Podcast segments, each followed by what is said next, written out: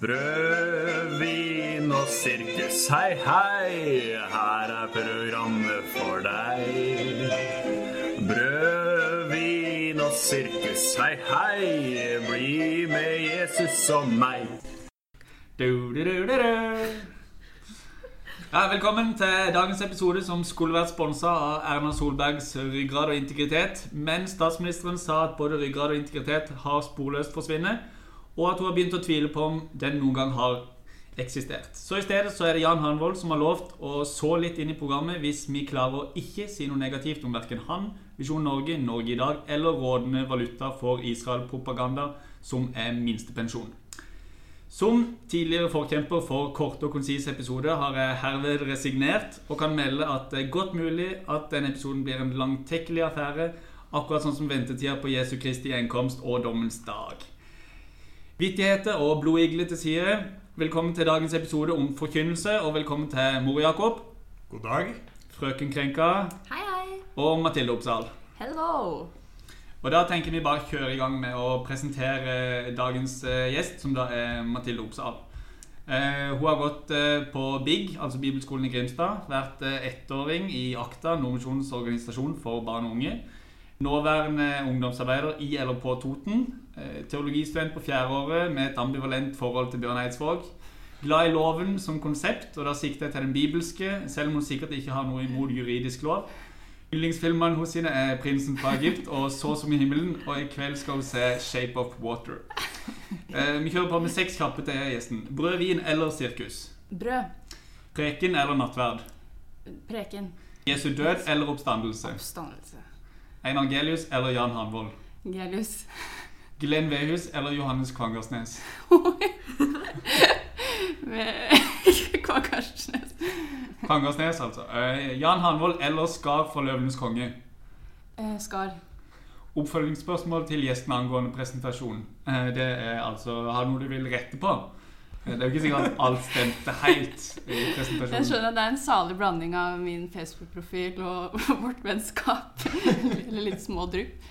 Eh, det var noe med mm, eh, Ja, som ettåring så var jeg, jeg var både i Jeg var ikke bare i organisasjonen Akta, jeg var også i Kirken Den norske.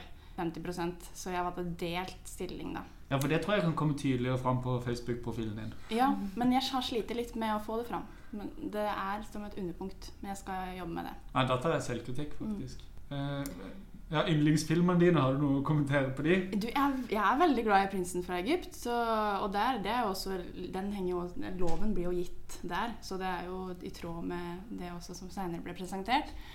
Eh, 'Så som i himmelen', ja, den har truffet en nerve hos meg. Eh, Yndlingsfilm Det er ikke sikkert jeg kan stå inne for det. nok. Det er godt godt det er nok. godt. Det er godt. Var det et skudd fra hofta, eller? Ja, jeg bare tror Nei, eh, nei det var Helligånd. Det var Helligånden. Ja. var. Ja, men da skjønner jeg. Ja, men da, hvis du føler det godt nok presentert, eller er det noe du vil legge til eller trekke fra, så Nei. har du jo muligheten til å prøve. Hvis man ønsker eh, ytterligere informasjon, så kan man jo ta en kaffe. Ta en kaffe? Ja. ok. Det, Mathilde inviterer alle interesserte på en kaffe.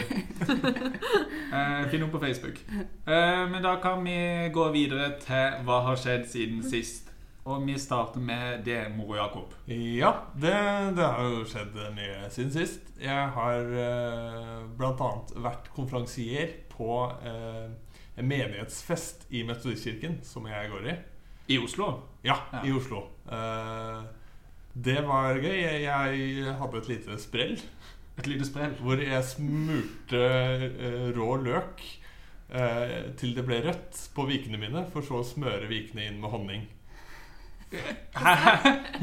Hvorfor? Eh, fordi um, Det var litt gøy. Uh, Metodistkirkens grunnlegger John Wesley lagde en sånn kjerringrådbok uh, for lenge siden. Og hvor da dette var rådet mot skallethet. Men bør man ikke kanskje gjøre det før man har blitt skalla? Nei, det var etter på det aktuelle området, da, som for min del er vikende. Så da gjorde vi det, til de gamle damenes store forskrekkelse. Eh, ja, Men det funka ikke, da. Men lukta ganske spennende. Men hvordan slo det an sånn? Ja, I um, aldersgruppa 40 pluss, 40 til 50, slo det veldig bra an. i aldersgruppa 60 til død. Ikke så bra. Men uh, Det er en krevende gruppe, da. det er Tror krevende. du- Veldig Tror du krevende. det kunne vært noe bedre respons hvis du hadde bytta ut løk med melk? Sånn Ja. melk og honning. Melk og honning, ja, det kan det være. Eh, men det er alltid gøy å gjøre Hva var, det, hva var den gøyeste vitsen du fortalte, da? Åh, Nei, jeg husker ikke Nei, det var ikke så mye vits. Det var ikke så gøy. da. Jeg bare smurte inn løk. jeg. Men det var ganske gøy. Jeg synes Det, det var det, veldig gøy. det så ganske bra ut. Har du bilde? Jeg har bilde. Hvor finner man de? Eh, Sentralkirken Oslo Med C? med C. Ja, ja, har du gjort noe annet siden sist? Nei, ikke som jeg tenkte å si. Ok, Frøken Krenka, har du gjort noe siden sist? Ja, jeg har gjort mye gøy siden sist. Jeg har vært på jentekveld med bare kvinnelige teologistudenter. Eh, drukket vin og spist ost og kjeks eh, til de sene nattestimer. Det var veldig gøy. Veldig hemmelig. Ja. Mm. Det hørtes ikke veldig hemmelig ut. Du sa Ja. nettopp Eh, ja. Men har dere konspirert mot uh, patriarkatet? Det er det som forblir hemmelig. Ja. sant? Det virker jo akkurat som at dere har gjort det. Så har jeg vært på askeonsdagsgudstjeneste her i kapellet sammen med Jakob. Ja. Eh, det, jeg fikk et kors på hånden. Det kjentes godt. Det begynte ikke å, å etse, heldigvis. Så jeg har laget med olje. Ja, Mhm. bra. Så har jeg spilt Twister. Og så har jeg trukket eh, to visdomstenner. Begge oppe, altså på to ulike sider. På kvinnedagen, 8. mars, så satt jeg på badet mitt og hulket fordi at jeg fikk ikke til å bytte et eh, lysrør på badet. Dette var dagen etter visdomstennene, der, så det var i den tåken, det skal sies. Men det var eh, Ja, det var helt forferdelig, faktisk. Da kunne jeg trengt eh, en mann i mitt liv. Ja. Så har jeg eh, og så har jeg hatt eh, ettårsjubileum. Eh, for det at jeg pleier å ta, når jeg, Hver gang jeg er på jobb på biblioteket, så tar jeg en selfie sammen med Hallesbysten som står der. Eh, av vår kjære Ola Hallesby. Og vi har hatt ettårsjubileum. Så det kan man har en mann i mitt liv likevel. Og så har jeg eh, vært med på MF-revyen. Der eh, var det sånn at jeg prøvde å unngå spotlighten. Det gikk eh, sånn passe, passe bra, kan du si. Eh, jeg var med på hele fire numre på, på den revyen. Eh, koste meg ekstremt masse med det. Og selve navnet på revyen ble jo min hashtag. Hashtag livet på MF. Mm, Men hva slags forsøk var det på å prøve å unngå spotlighten? Det var eh, å stille seg i bakgrunnen, eh, tenke at jeg skal være med på fellesnumrene, melde seg til eh, grupper som kor og PR. Eh, og så har Miriam Haaland bare eh, huket tak i meg, da. Oppdaget et talent. Mm. Eh, og jeg har fått mange av den 'Hæ, skal ikke du være skuespiller på revyen?' Så jeg tenkt sånn Nei, min besøkelsestid begynner å bli passé. Folk må begynne å bli dritlei eh, dette ansiktet. Eh, forhåpentligvis ikke min stemme, for den har jeg tenkt å bruke lenge. Men her på MF så jeg har tenkt at ja. Eh, og så har hun tenkt sånn eh, Eller hun har eh, bare sendt meg melding sånn 'Har du vært, lyst til å være med på en sang om kantinen?' For eksempel. Så sa jeg eh, ja. Okay, Ja, jeg tenkte å spørre deg om kantinenummeret. For det Mhm. føler jeg jo ikke henger helt sammen med Jeg skal prøve å unngå spotlighten. For jeg tenkte litt på hva du valgte å gå med, for der gikk man jo med forskjellige klær. Men du hadde jo tatt på deg dine egne klær. Eh, ja, Hva slags klær hadde du der? Eh, jeg hadde på meg en svart kjole som jeg faktisk har eh, vært prest i. Så den var ganske dekkende. Men den går til sånn låret. Og så hadde jeg på meg en Ganske dekkende kjole. fiske... Altså sånn nettingstrømpebukse, da. Fordi at vi danset og sang til Selblok Tango fra musikalen Chicago. Og der, Det er jo fra et kvinnefengsel med liksom masse rødt lys, og de går i eh, sexy svart undertøy. Så det var på en måte en eh, light-versjon av det. da. Altså, du måtte gjøre det for å blende inn, men ingen andre skjønte at man måtte gjøre det for å blende inn. Var du den eneste nettingstripper? Ja, det var jeg.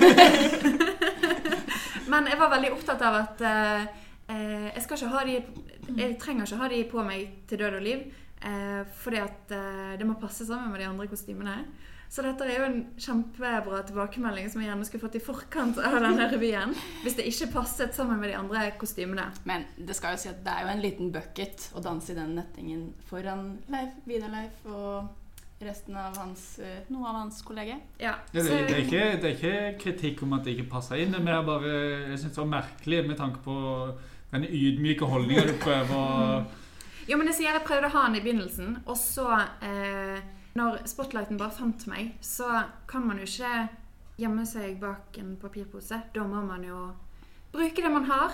Eh, og jeg hadde tilfeldigvis en nettingstrømpebukse hjemme. Eh, jeg tenkte nå er tiden inne til å bruke den.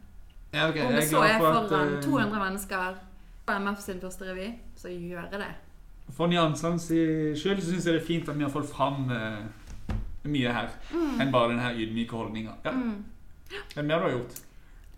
Nei, det var egentlig det. Ja. Mathilde Oppsal, har du gjort noe? Eh, ja, hva jeg har gjort siden sist, det er jo litt relativt. Jeg har aldri vært her, så det er jo, dette kan jo bli en lang sending. Det kan jo være hele livet ditt, for Ja. så vidt. Og da blir det en lang sending. Så. Ja.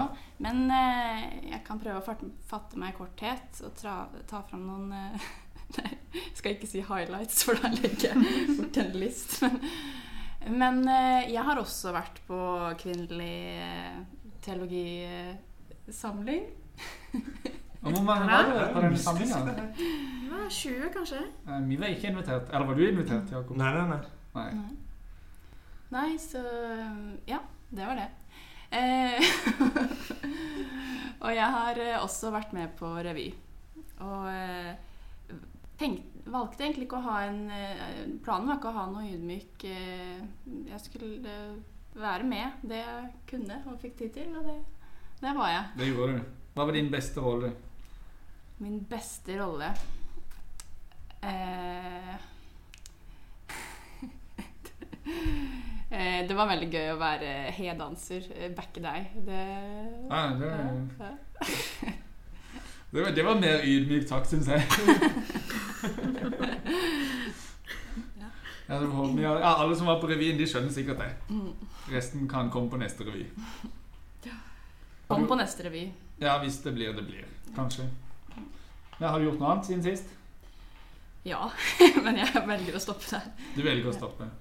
Det er greit. Eh, en annen ting som på en måte har skjedd siden sist, er jo ikke helt uh, siden sist, men eh, Ørjan Mye har uh, slutta i Brødrene sirkus, og det glemte jeg helt å si forrige gang. Uh, Vi var så glade for at Marte hadde begynt. At vi Ja. fokuserte heller på det. nå skal det jo sies at det står om det på Facebook, og jeg håper og tror at det er derfor jeg valgte å forbigå det i stillhet. Eh, at jeg tenkte jeg hadde gjort det, men eh, vi bør jo ta det opp på podkasten òg. Så jeg tenkte vi kunne ta og eh, trekke fram vårt fineste minne med eh, Ørjan Mye. Og så kan vi presentere det for våre eh, lyttere. Og for at dere skal få litt tid til å tenke på det, så kan jeg ta og starte. Eh, og mitt fineste minne tror jeg er når vi er øh, Ikke vi, men jeg var hjemme hos han på natta hvor eh, det amerikanske valget skulle avgjøres. Og det var god stemning og god drikke. og jeg ble trøtt og gikk og la meg i eh, badekaret for å få sove. Eh, som er en elendig idé, for det er ikke noe godt å sove i badekar. Og så kom Ørjan My og eh, vekka meg og ga meg i seng. Og jeg fikk sove der, og så gikk vi på MF og spilte inn eh, eh, sending, episode, på morgenen. Og det var helt forferdelig, men det var veldig godt å vite at Ørjan My hadde det jo forferdelig sammen med meg. Og det er kanskje mitt fineste minne. Jeg husker det. Flott. Du husker det? Ja, mitt eh, jeg, Han var jo founding father av Brødvin og sirkus. Jepp. Eh, Så mitt største øyeblikk er det når han kom til meg og sa Hei, Jakob. Jeg har tenkt på å lage en podkast, og jeg har tenkt på deg. Eh, Det var stort. Det var stort. Så all ære. Eh, Uten Yrjan hadde det ikke vært noe Brødvin og sirkus. Ingen tvil. Sterkt. Har er noen fine minner med Ørjan Ny. Ja, altså Mine minner eh, med han er jo mest å ha han på øret eh, gjennom Brød, vin og sirkus. Men det, jeg har ofte tenkt at det der virker som et godt sted å være. eh, Fordi dere er der òg, så klart. Ja, ja, ja. backe. Men uh, også fordi Yrjan var der. Jeg, uh, han har et godt vesen, og jeg tror det er godt å sitte rundt bordet med han. Jeg er uh, veldig takknemlig for Yrjan i sin, eh, sitt bidrag inn i eh, ja, hele Altså MF sitt foreningsliv eh, har jo eh, blomstret, som sagt. Og det denne podkasten her har betydd Det har vært mye, da. Eh, Ja, og særlig Jeg syns den episoden om kristen dating Der syns jeg at den har noen skikkelig, skikkelig bra og kloke og vise ting man sier. Så hvis du ikke har hørt den episoden ennå, kjære lytter, hør den nå. Det var mange fine Ja, ord. dette var flott. Jeg trodde det skulle bli litt mer tullete, men jeg sa jo at det skulle være fine Ja, for jeg, må bare, Jeg følte jeg må presisere at han er ikke død. Nei, Nei, nei, nei. Han har bare mye å gjøre. Ja. Ja, ja det er jo Ja, ja. ja, han har bare mye å gjøre. Det er jo forståelig. det er forståelig. Jeg har jo vært med på eh, MF-revyen. Jeg hadde tenkt å ha en liten eh, rolle bare for å støtte opp. Eh, og jeg hadde ikke tenkt å være med på fellesnumrene. Jeg ble spurt om jeg ville være med og rappe på, på ei låt, så jeg var med og rappa og um, spilte Terje Hegertun. Ja, For du har jo blitt MFs Christian Valen. Det har jeg ikke lyst til å være, så det det, jeg ikke, det setter jeg ikke så stor pris på å høre. Parodikonge, da. Parodikonge. Kan heller være det. Rune Andersen. kan. Rune Andersen kan MFs Rune heller være. Ja. Føler du deg litt snurt, Jakob? Ingen kommentar. Nei, fortsett. Ja, for jeg, jeg, fikk, jeg spilte han i, eh, i revyen i en rolle, og, og det endte jo, Han var ikke på revyen, men jeg fikk en mail eh, på du må fortelle litt om selve det nummeret, da. Jeg vet ikke hva jeg skal Skal jeg fortelle om det? Ja, ok. Ja, okay. Kort. kort. Det er Kristendommens mektigste menn. Det er eh, en sketsj med eh, He-gjengen. Hegertun, Høgstad, Henriksen og Heiene. Heiene. Mm. Eh, de fire. Og så blir det til en rapp til eh, Eminem sin eh, 'Lose Yourself', der annet da Mathilde eh, danset bak. Og så rapper dere om hvor mektige dere er. Og, mm. Ja, det funka, det funka ganske bra. Bedre enn jeg hadde, bedre enn jeg hadde frykta, i hvert fall. Det var dødsfett. Det var hyggelig sagt. Uh, men uh, Terje Hegertun var jo ikke Henriksen var på revyen. Jeg hørte at han syntes det var greit. Jeg vet ikke hvor, hvor hva det betyr. Jeg tror, jeg, Greit, jeg, tror, jeg, jeg, tror det på, sør, på sørlandsk så er greit ganske bra. Han er egentlig fra uh, Arendal. Eh, bare beklager for han som spilte Henriksen, for han kan ikke sørlandsk eh, dialekt. Eh, men Terje Hegertun var der ikke, og på eh, tirsdag, tre dager etter at vi har spilt inn, eh, så får jeg en mail fra Terje Hegertun hvor han spør om eh, jeg skal på skolen dagen etterpå. Og da vet jeg at eh, det skal være lunsjseminar i morgen. Han skal presentere den nye boka si, for det har han sagt til meg tidligere. Og jeg skjønner hvor dette kan gå. Så eh, så jeg bare Ja, jeg har time da og da, og jeg tenkte meg på det lunsjseminaret. Eh, og så sier han ja, jeg hørte jo du spilte med i revyen. Tror du vi skulle gjort en sånn gøy stunt med at du låner dressjakka mi og brillene mine? Og jeg bare, ja, og jeg bare tenker Ok, dødsgøy å bli spurt. Og så tenker jeg sånn Blir dette her gøy? Jeg vet ikke. Jeg tenker bare at dette kan bli dritkleint. Men så har jeg ikke lyst til å på en måte svikte Terje Hegertun. Så jeg bare Ja, ja, dette, dette er. Dette blir gøy. Eh, så jeg blir med på det da og stiller opp og mens han introduserer dette her lunsjseminaret, så kommer jeg inn liksom med brillene hans gjennom jegerdressjakke og later som at det er Terje Hegertun. Og det gikk helt greit, men, men jeg syns det var Jeg følte meg ikke noe kul etterpå. Du var rett og slett en sånn avbryter Ja, ja. Som, eh, som Tande P hadde i sine shows. Nei, det kjenner jeg ikke til. Nei, Det var mye av det på 90-tallet. Da vaktmesteren sånn. Noen andre ganger, Ja. Det Ja, kom som en var sånn karakter inn. Ja, ja, men det er akkurat sånn. Ja. Det, jeg jeg syns det er mye bedre å være på en scene hvor jeg liksom har blitt tildelt en rolle. Men sånne avbrytere, det er mye mer det der Hei, se på meg! Nå kommer jeg inn, nå vil jeg ha all oppmerksomheten her. Og det er ikke meningen at jeg skal ha den, egentlig. Uh, ja, Men så var det mange i forsamlingen som hadde vært på revyen som catchet det liksom en gang? Eh, Det var jo mange i forsamlingen som var der fordi de hadde vært på revyen. Ja. Ja, for det hadde, det. ryktet gikk overraskende fort om at jeg skulle uh, spille det. Mm. Jeg, hadde, jeg sa det bare til noen få, uh, men så sa de det videre. Men det var jo gøy for meg, fordi da var det noen som skjønte hva som var greia. Uh, Hvor går din karriere som Hegertun videre nå? Blir det julebord og nei, det, nei, det håper jeg virkelig ikke. Du kommer til å bli spurt på MS julebord. Nei, nei, nei, nei, nei, nei, nei. Og inn i pinsebevegelsen. Ja. Men det, jeg kommer ut, jeg kommer ut til å si ja, fordi jeg har liksom lyst til å bli venn med alle de som eventuelt spør meg. Men jeg har ikke lyst til å gjøre det de spør meg om. Vi må ha, jeg vil at vi skal ha en sending hvor du er Terje Egertun. Hele tiden. Ja. Ja, ok, Vi får ta det på sikt. En annen ting som skjedde med, med revyen, det var jo det at eh, jeg tenkte det var en liten rolle så for å få ting til å gå, og være med og støtte der det trengtes. Eh, og så er det en kødd som heter Mathias Stenerud. Eh, som hver gang jeg sitter for meg sjøl og liksom prøver ikke hitte ta plass, så sier han sånn «Å, Tor Ola, skal ikke han være med på noe, da? Hvorfor er ikke Tor Ola med på fellesnummeret? Uh, og jeg, jeg, jeg, føler meg dritteit da, som sitter der og bare får kult å være med. Så jeg bare sånn Jeg kan sikkert være med på fellesnummeret, men jeg vil jo bare sitte der for meg sjøl og ikke bli så engasjert. Eh, så det som skjer, er at jeg, jeg blir jo mer mett på ting etter hvert. Ikke så veldig mye. Men, men eh, Og så da har jeg jo mer med folk å gjøre. Og det som jeg syns er plagsomt med å, å ha mer med folk å gjøre på MF, det er at jeg blir mer glad i de som er der, da. Eh, og det betyr at det er flere folk på MF som jeg må hilse på og snakke med. Og det er ikke det at det er uhyggelig, det er det at det tar så lang tid. Ja, det er ganske stress. For veldig ofte når jeg er på MF, så prøver jeg liksom å ha på meg headset, gå inn, bare gå rett til heisen, prøver ikke Hvis jeg skal ned i gymsalen for eksempel, og spille fotball, prøver ikke å se på noen i kantina for å bare Nå skal jeg gjøre det jeg har kommet for å gjøre, og så kan jeg gå. Mens nå flere og flere bekjente som jeg, som jeg liker, jeg jo, blir jo glad i det. Det er det som er problemet. Ja, så øh, Det var gøy med revy, men øh, det er bra er ikke redd holder for på med venner, det. så ikke bli med. Ja, hvis du er redd for å få venner, så bør du ikke være med på revy. Det er mitt tips. Ellers så har jeg vært på feministisk messe med forbundet i eh, Universitetsgata, faktisk. Eh, Det var gøy. Den bytta ut en del eh, ledd. Nå er det sikkert mange som blir fryktelig provosert, og sånn, men det var jo sånn der vår forelder istedenfor uh, vår far. Og så var det en del flere mors eh, eh, pronomen, der det ofte er litt sånn mannlige pronomen. Men det var gøy. Det var Åste Dokka og Ellen Aasland Reinertsen som leda gudstjenesten. Jeg visste ikke hvem Ellen Aasland Reinersen var fra før, men hun var veldig hyggelig. Og så fikk jeg hilse på Åste Dokka. Hun er en eh, person jeg har satt pris på å lese tidligere, så det syns jeg var ganske stas. Jeg later, og jeg ga jo ikke uttrykk for det i det hele tatt. Um, Du spilte cool. jeg spilte cool. Absolutt. Viktig. Um, ellers har vi jo snakka om Dette har ikke skjedd akkurat med meg, men uh, du har jo en dobbeltgjenger som jeg tror vi kan snakke litt mer om. Uh, ja, Mor Jakob. Ja. Ja.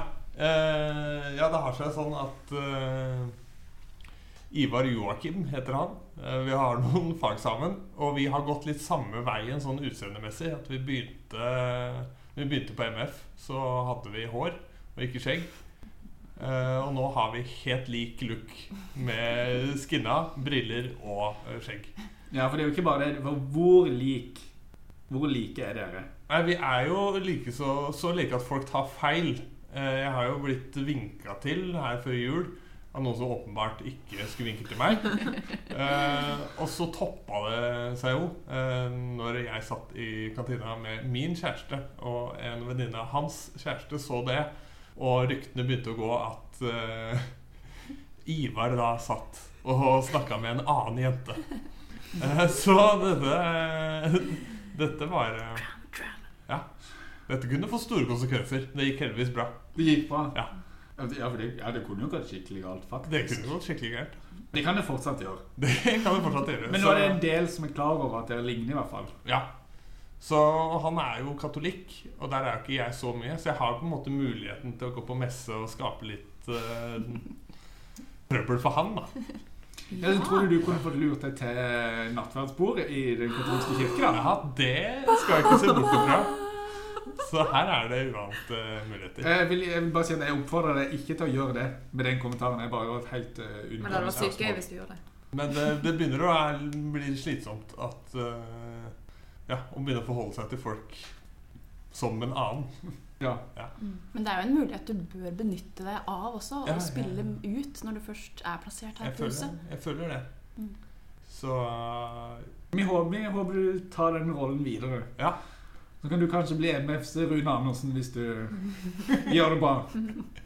Vi kan også prøve å få tatt et bilde hvis uh, Ja, det hadde. Se hvor likt det faktisk er. Ja, for vi, kan jo, vi har jo mer å gå på når det gjelder eh, Instagram, eksempel, Ja. Men uh, ja, ja. Prøve å få til det. Andre ting som har skjedd med meg, det er at Hilde Brekke Møller har ikke lagt meg til på Facebook, uh, selv om jeg la, likte bildet sitt. Ja. For dette var jo en arbeidsmetode som Marte ja, hun har hatt suksess med å like bilder, så la Hilde Brekke Møller Ja, jeg har gjort, sånn har det funket både med Hilde Brekke Møller og Vidar Leif Hånes. Så um, Så det er ikke metoden det er noe gærent med. Nei. Ja, ok. Men eh, jeg har ikke prøvd på Vidar Leif ennå. Men eh, man kan jo ikke bare gjøre det på hva som helst. Det må jo være et bilde som helst mange har likt. Det er litt rart hvis jeg bare går inn og liker et tilfeldig profilbilde, liksom. Nei. Er det det du gjorde? Nei, det var ikke det jeg gjorde. Eh, det, ok, det er litt rart, men eh, desto større sannsynlighet for å bli lagt merke til. Eh, Ja, men jeg vet ikke om du har lyst til Har du ikke lyst til å få en friend request, Jo. så ja, da må du gjøre en innsats. ja, Ok, jeg syns verden er litt mer nyansert enn sånn. Det er kanskje bedre å eh, gå veien om å ta kontakt på Messenger. Spør om Hei, skal vi være venner på Facebook? Nei, men uh, fordi at du spør om noe annet saklig på Messenger, og for at den meldinga skal nå kjappere fram, så legger du det til som venn. Og så er det liksom Ah. unnskyldningen for å ja. Hva skal jeg spørre ham om? Om dere skal ta kaffe eller noe? Det jeg burde gjøre, er å vinne sånn der date med Vidar Leif. Var Altså- det et alternativ i år på På Misjonsbasaren, ja. Ja. Det var Ingeborg der. Mm. Ingeborg Kielland? Ja. Kanskje jeg kan kjøpe det av henne? Ja! Men jeg tror at hun allerede har avtalt med rektors sekretær eh, å avtale. Så da bør du være Da bør du skynde, skynde deg ganske masse. Betale dyrt. Men hvis det allerede er avtalt, så hjelper jo ikke det. Jeg må avtale med direkte med Ja, jeg, jeg, da Messenger genialt. ja. jeg tror jeg får det til på sikt. Eller send brev. Ja, eller Fox. Med en ugle. Send røyksignal. Ok, nå går vi videre til hva har skjedd i Kristen-Norge siden sist. Og forrige gang så raga jeg ganske på uh, apologetikkgruppa på, på Facebook. Ja. Og jeg vil bare ha en update, på, eller gi alle en update på hva som skjer der. For det, det var noen som spurte uh, hva som er på en måte kristendommens største problem i dag. Um, og der var det jo ganske mye respons. Eh, det var en del som svarte lunkenhet, og det syns jeg er et relativt bra svar. Ingen hører på Guds ord, er det ganske mange som likte å si. Og så var det en som eh, skrev, dette her syns jeg er ganske symptomatisk for den gruppa. For han skrev Jeg er så opptatt av sannhet, så glemmer jeg kjærlighet. Yrkesskade. Og det er jo disse her som på en måte ikke er sjelesørgeriske anlagt i det hele tatt. Som bare forteller alle hvor eh, skapet skal stå. Fordi de er så opptatt av sannhet, og de er så rasjonelle og logisk tenkende. Eh, og andre som har eh, kommentert på samme tråden. Trond Hans Farner Kverner. Sur gubbe og biskop Johannes FN, som er tittelen sin, av American Orthodox Catholic Church, Holy Synod of Americas. Eh, og Det er jo da menigheten som Brød, vin og sirkus har søkt muntlig om å få bli med i. Eh, han skrev da i, på hva som er den største faren, og det er da Verre enn alt som har blitt nevnt, sakramentsforakten. og det er, jo, det er jo da mannen som sier at eh, Som sa en gang at eh, hvis vi to begynte med tromme i gudstjenesten, så var det neste at det ble nattverdselementene ble cola og eh, burger. Eh, som jeg har lovt at jeg en gang skal, skal gjøre. Gjøre. Ja. Ja, Så det gleder jeg meg til. Det er den største frykten, det. Er cola og burger. Men, men sånn som jeg har skjønt det, så går det helt greit å gjøre. Det, det, Ja. det vil jo sånn, sånn, sånn lovlig sett ordningsmessig. Jeg, kan jo se at det på en måte ikke er så sakralt. Nei, for jeg føler det som pils og peanøtter er verre. Men det er liksom den der cola burger som Men er det verste du- man kan tenke seg. Ja, men tror ikke du det han egentlig mener der er hvem det er som forvalter sakramentene? Han var jo ute med en eh, ganske krass uh, uttal... Eller, ja. Om eh, sommerprester i sommer. Var han med? Ja. Det Ja. Noen her på huset ble ganske hengt ut der. Det er Som i navn, liksom? Ja, som i noen som stilte som eh, frontfigur eh, for MF. For å, å filme seg sjøl i selfie-vinkel. Eh, og sa 'søk MF i dag', og 'nå er jeg Stemmer det. Mm. Så Ja. han er jo eh, kanskje tidenes minst sympatiske eh, fyr, da. Eh, sånn sett. Ja, for Av og til så tenker jeg liksom sånn Går jeg for langt når jeg er så slem med han her? Nei, nei, nei. Eh, men så når jeg hører sånne historier, tenker jeg bare nei, nei. Jeg bare fortsetter. Ja. Eh, Nei, for eh, Ja, jeg ville ha kalt meg en kuk. Men jeg, jeg gjør det ikke. Men jeg ville ha gjort det. du ville gjort det. Jeg ville kanskje ikke brukt akkurat de ordene. Nei. Men um, Nei, jeg, ikke jeg heller. Jeg jeg står for innholdet. Jeg, jeg ville ha gjort det. ja. Har du noen andre kommentarer til apologetikkgruppa? Nei, det er bare Jeg er jo med. Det er slitsomt. Det er mye. Det er masse. Har de snakka om Har de tatt opp eh, yogaspørsmålet, som er litt i vinden i, i de konservative kretsene nå? Og det vet jeg ikke helt. Hvem var hva var greia der? Nei, Det er en, er KrF-politiker som har sagt at yoga er eh, religionsutøvelse. Ja, altså Det må man, kan man ikke ha, for det er farlig. Ja. Det er ikke forenlig med kristendommen. Nei, Jeg vet ikke om de har diskutert det. Samtidig som det blir, har vel blitt arrangert yogagudstjeneste. Ja, Mm. Men det er her i Oslo. Det er liberal Oslo. Ja. Langt unna folk. Eh, Jeg så faktisk at eh, Atle Søvik hadde kommentert en post på eh, den apologetikkgruppen. Ja, men det gjør han med ganske jevne mellomrom. Ja, ok.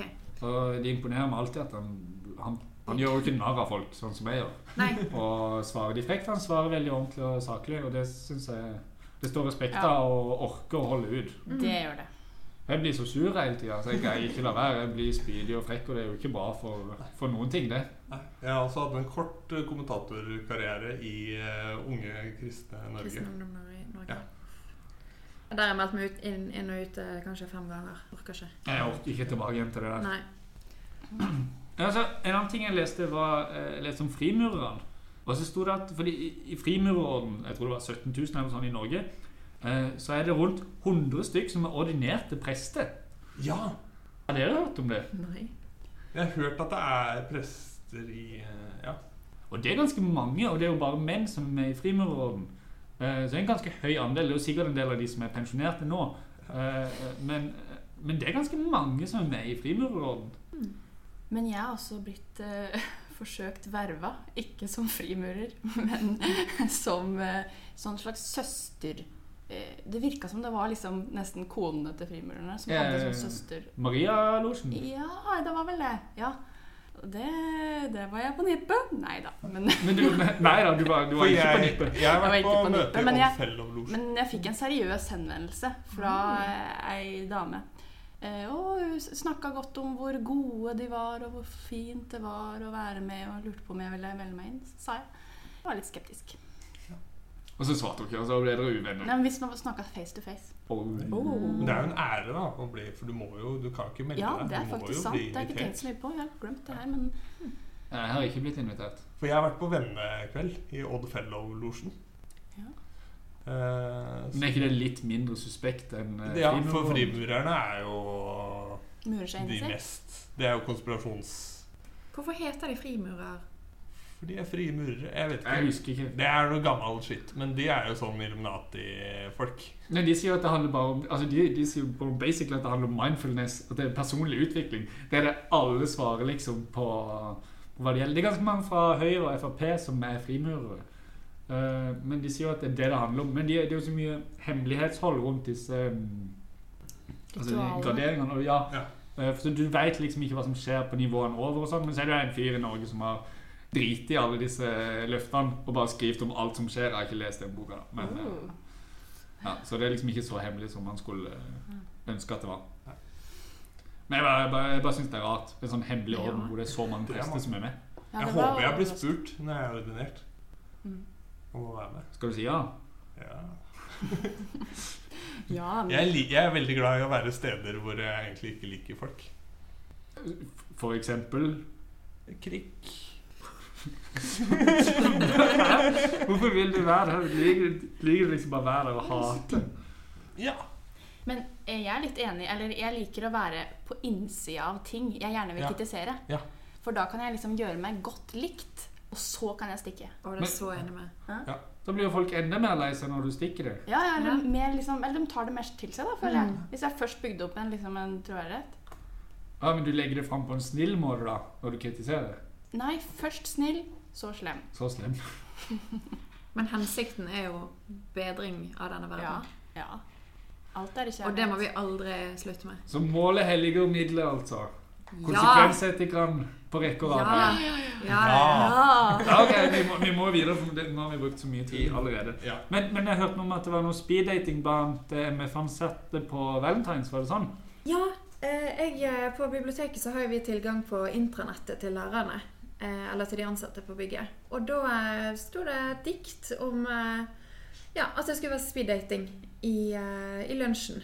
Og dette ble jeg gjort oppmerksom på liksom, seinere den dagen. For jeg hadde liksom merket at de var så veldig sånn fnisete humør og, og sånn, da. Så det skjedde på Valentines. Neste Valentines så har jeg tenkt å ja, lure litt uh, inn på det kjøkkenet eller et eller annet der, og se litt Ja, vet vi, vet vi noe om hvordan det gikk? Jeg hørte at folk uh, hadde snakket sammen, i hvert fall. Og det er jo Det en amazing. Det er jo bare bra. Men eh, jeg tror vi stopper. Jeg håper på å Ja. pisse på meg. Ja, eh, Jakob tissa ikke på seg, og han er nå tilbake igjen, og vi er klare til å fortsette. Vi hadde jo en dobbel episode om eh, MF forrige gang. Allikevel så fikk vi ikke med oss alt. Eh, Og da har Marte lagd sin egen liste, eh, Frøken Krenka. Så den skal hun få presentere nå over det, det vi glemte forrige gang, da. Vær så god. Eh, først av alt jeg vil gjerne gi en stor shout-out til kjære Marianne Munns. Hun er alfa og omega for mye av det som skjer på MF. Og det trenger en shout-out. Tusen takk til deg. Og så glemte jeg å si at uh, som sekretær ved uh, Studentrådet så har jeg funnet hemmelighetsstemplede dokumenter fra andre verdenskrig i et skap her på MF. Så glemte jeg å komme med den dårlige vitsen om at uh, MF sin strikkeklubb de gjemmer seg bak masker. Så glemte vi å kommentere at eh, fadderukestyret de har reist en gang til Barcelona på eh, planleggingstur. Hæ? Ja. Vi glemte òg å kommentere at eh, SR har reist til Dublin på strategiseminar for noen år siden. Yes. The glory days are over. Og så eh, vil jeg eh, si at jeg løy når jeg sa at jeg ikke var med i fadderuken. Jeg var med på noe. Og en av de tingene jeg var med på, var at jeg ville møte gjengen på Chateau Neuf. Eh, jeg sto en time alene i kø utenfor sammen med 200 av Oslos andre studenter. Jeg sendte en SMS til fadderen når jeg var inne, inne i dørene, kom inn dørene. Eh, og skrev, slo an en bibelsk vits og sa at jeg var en eh, lost sau som ikke fant gjeteren sin. Har fremdeles ikke fått eh, eh, svar på denne SMS-en. Og jeg gikk hjem. Betalte 200 kroner for å komme inn, gikk hjem. Så hvis noen av mine fadderbarn noen gang har opplevd dette her, så se på meg. Jeg klarte meg veldig godt likevel. Og så glemte vi å nevne MF sin rekrutteringsfilm. MF, stedet der de store spørsmålene lever. Ja, Det er det sykeste jeg har sett. Fordi at du var ikke klar over den filmen engang. Jeg så den første gang i går, var det vel. Ja, for den ble vel ikke spredt så veldig mye. Med god grunn.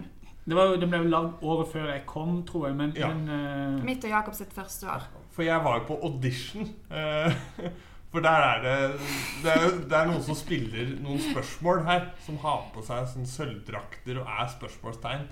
Jeg prøvespilte da for en slik rolle, men fikk heldigvis ikke rollen. ja, for vi, skal, vi, vi legger jo link til dette her, men det lurer på når du, fordi det er ganske mange folk som er med i denne filmen. Ja. Og hvis du har vært på audition og ikke kommet med altså, Det er ganske Dårlig. Det er ganske Det, er dårlig. ganske, ja, det var ganske dårlig. Jeg var veldig, veldig nervøs.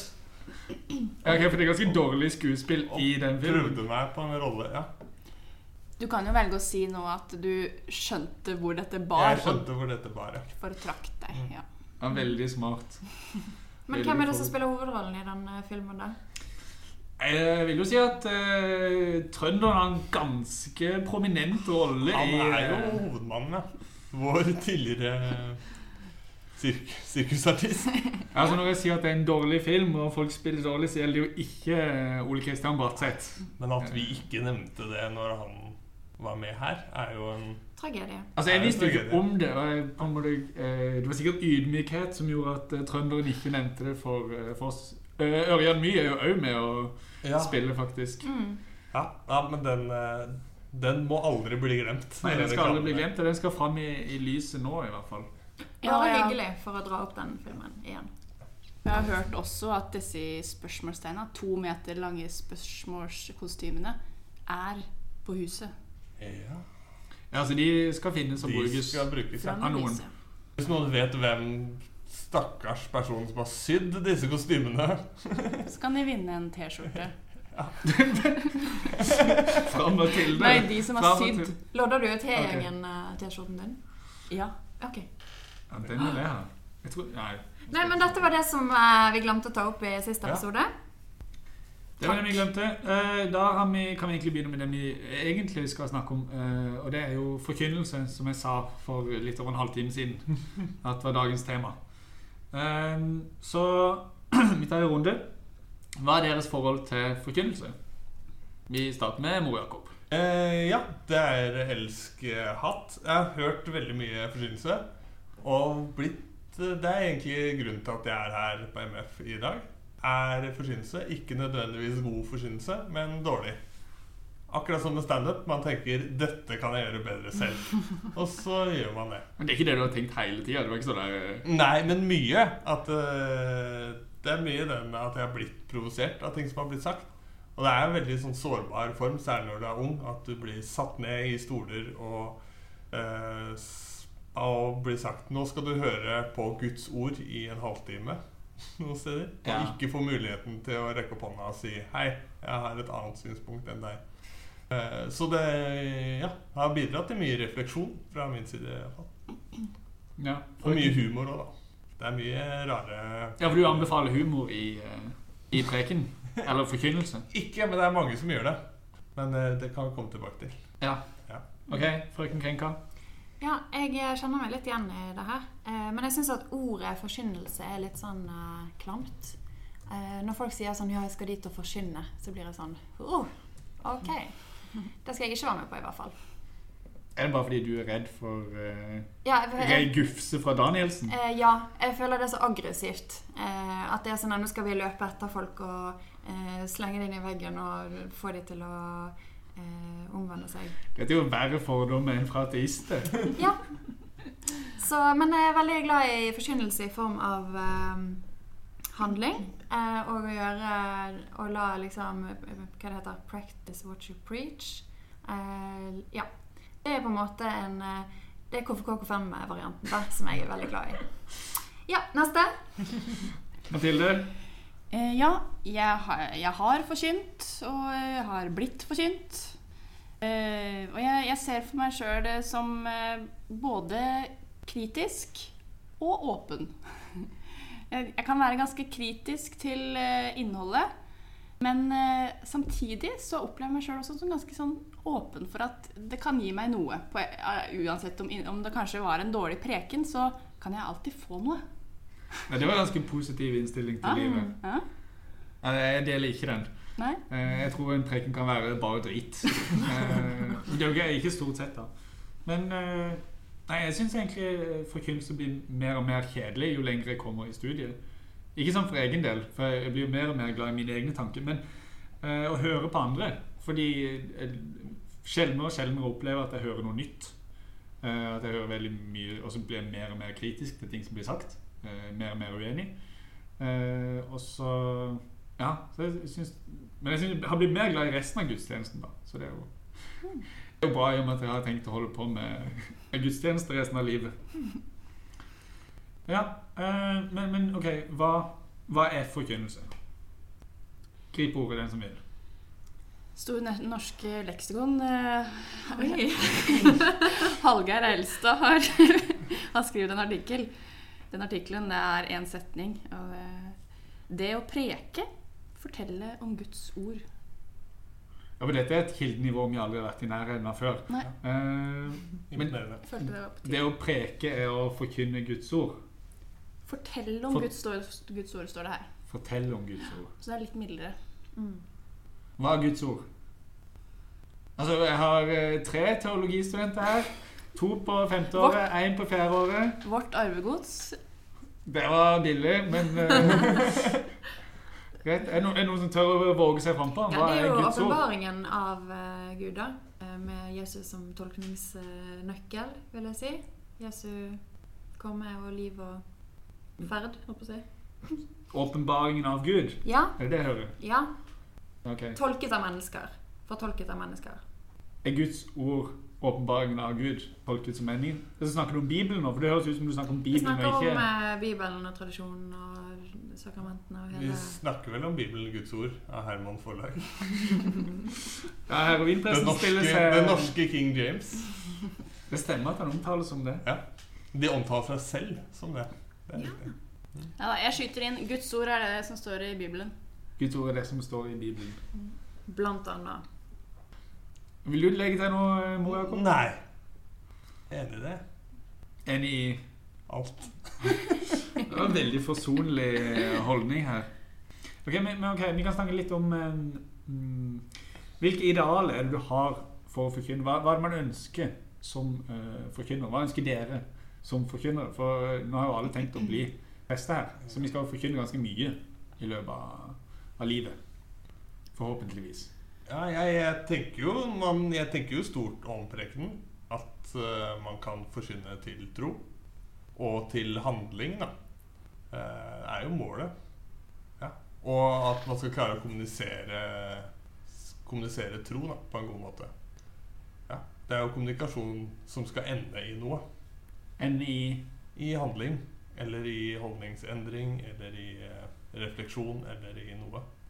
Ja. Ja. Og det er jo vanskelig å både gjøre og, og få respons på om du faktisk har fått til det du har prøvd på. Mm. Frøken Krenka, hva vil du oppnå som forkynner? Jeg tenker jo at når folk eh, kommer til kirken, da, eller eh, Ja, at man da vil at de skal gå ut derifra igjen og føle seg bedre. Eh, møte verden med nytt, eh, nye giv. Ja, så hvis man kan eh, løfte mennesker opp eh, i form av eh, forkynnelse, så tenker jeg at man har fått til noe bra. Så det er et ideal. Mm. Mathilde? Ja, eh, jeg er jo jeg er veldig glad i ord. Og, og ordet, da.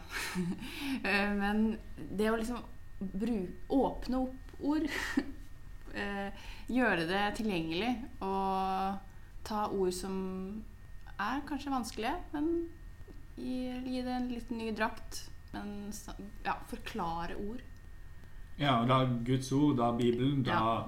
åpenbaringen av Gud, så gjør Gud mer tilgjengelig. Ja. Ja. Det var mine ord i dine.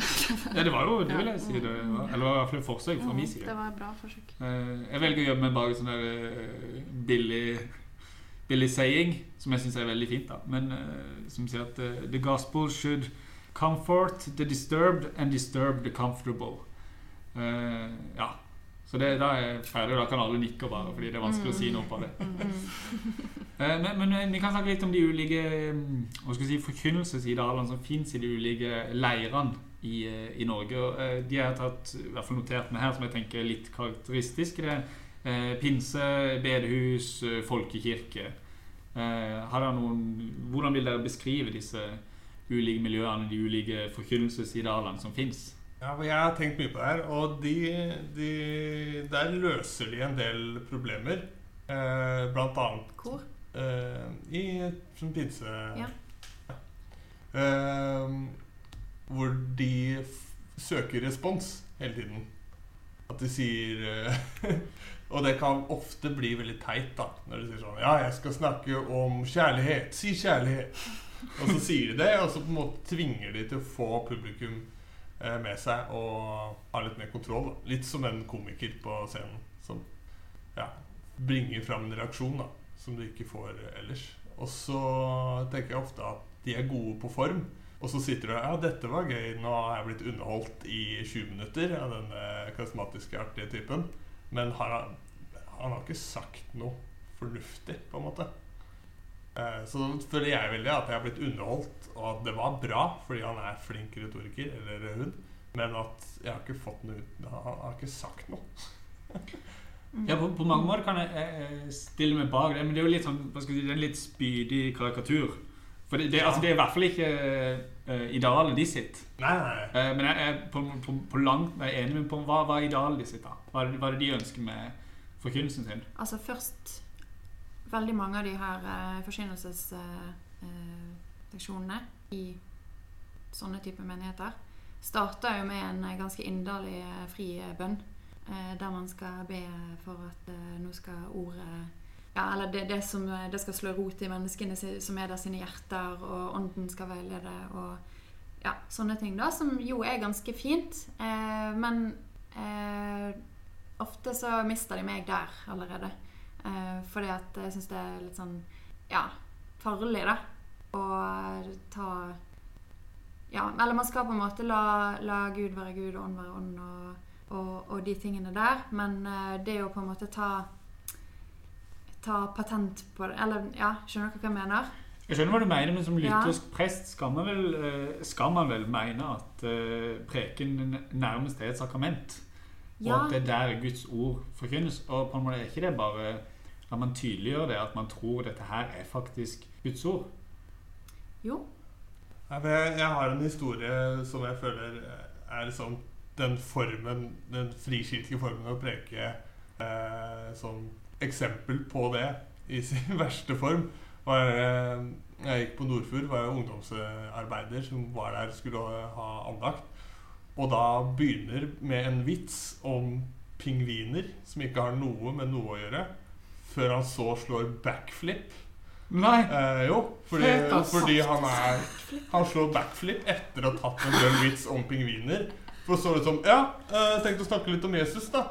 Eh, og så liksom begynne på det han egentlig skal si. Eh, for så å ende opp i litt sånn gråtestemme, som også er vanlig. Og, og litt trist at ikke naboen blir frelst, og sånn. Og da føler jeg at da har du du? Da har du rappa formen de luxe, da. Og så sitter du igjen med bare sånn Ja. Og det er mange der ute som har dratt vitser bare for å tatt en vits. Det spiller jo veldig på, for å bruke sånn eh, faglig språk, så spiller det veldig på patos, Ja. eh, disse type menighetene. Eh, på følelsesregisteret til folk. Eh, og det er jo òg kanskje sånn ja, underbyggende Den hellige ånd-musikk eh, som kommer mot slutten av eh, av forsynelses... eh, eller preken eller talen, da. Hva man ender med å kalle det. Som på en måte ja, rammer det hele inn, da. Og det er jo, det er jo absolutt noe som vi i Den norske kirke kan, kan lære av her. Men det er jo litt bekymringsverdig Ja, hvis man ikke og- igjen med så mye etterpå. Og man får jo noe som er, er liksom persondyrkelse, som man ser av kjente predikanter. da At det er eh, når, Han som tar backflip på prekestolen Han ender jo opp med å peke veldig mye på seg selv. Eh, mer enn Jesus, selv om han prøver. Så sitter jo folk igjen med et inntrykk av han, ikke det han snakker noe om.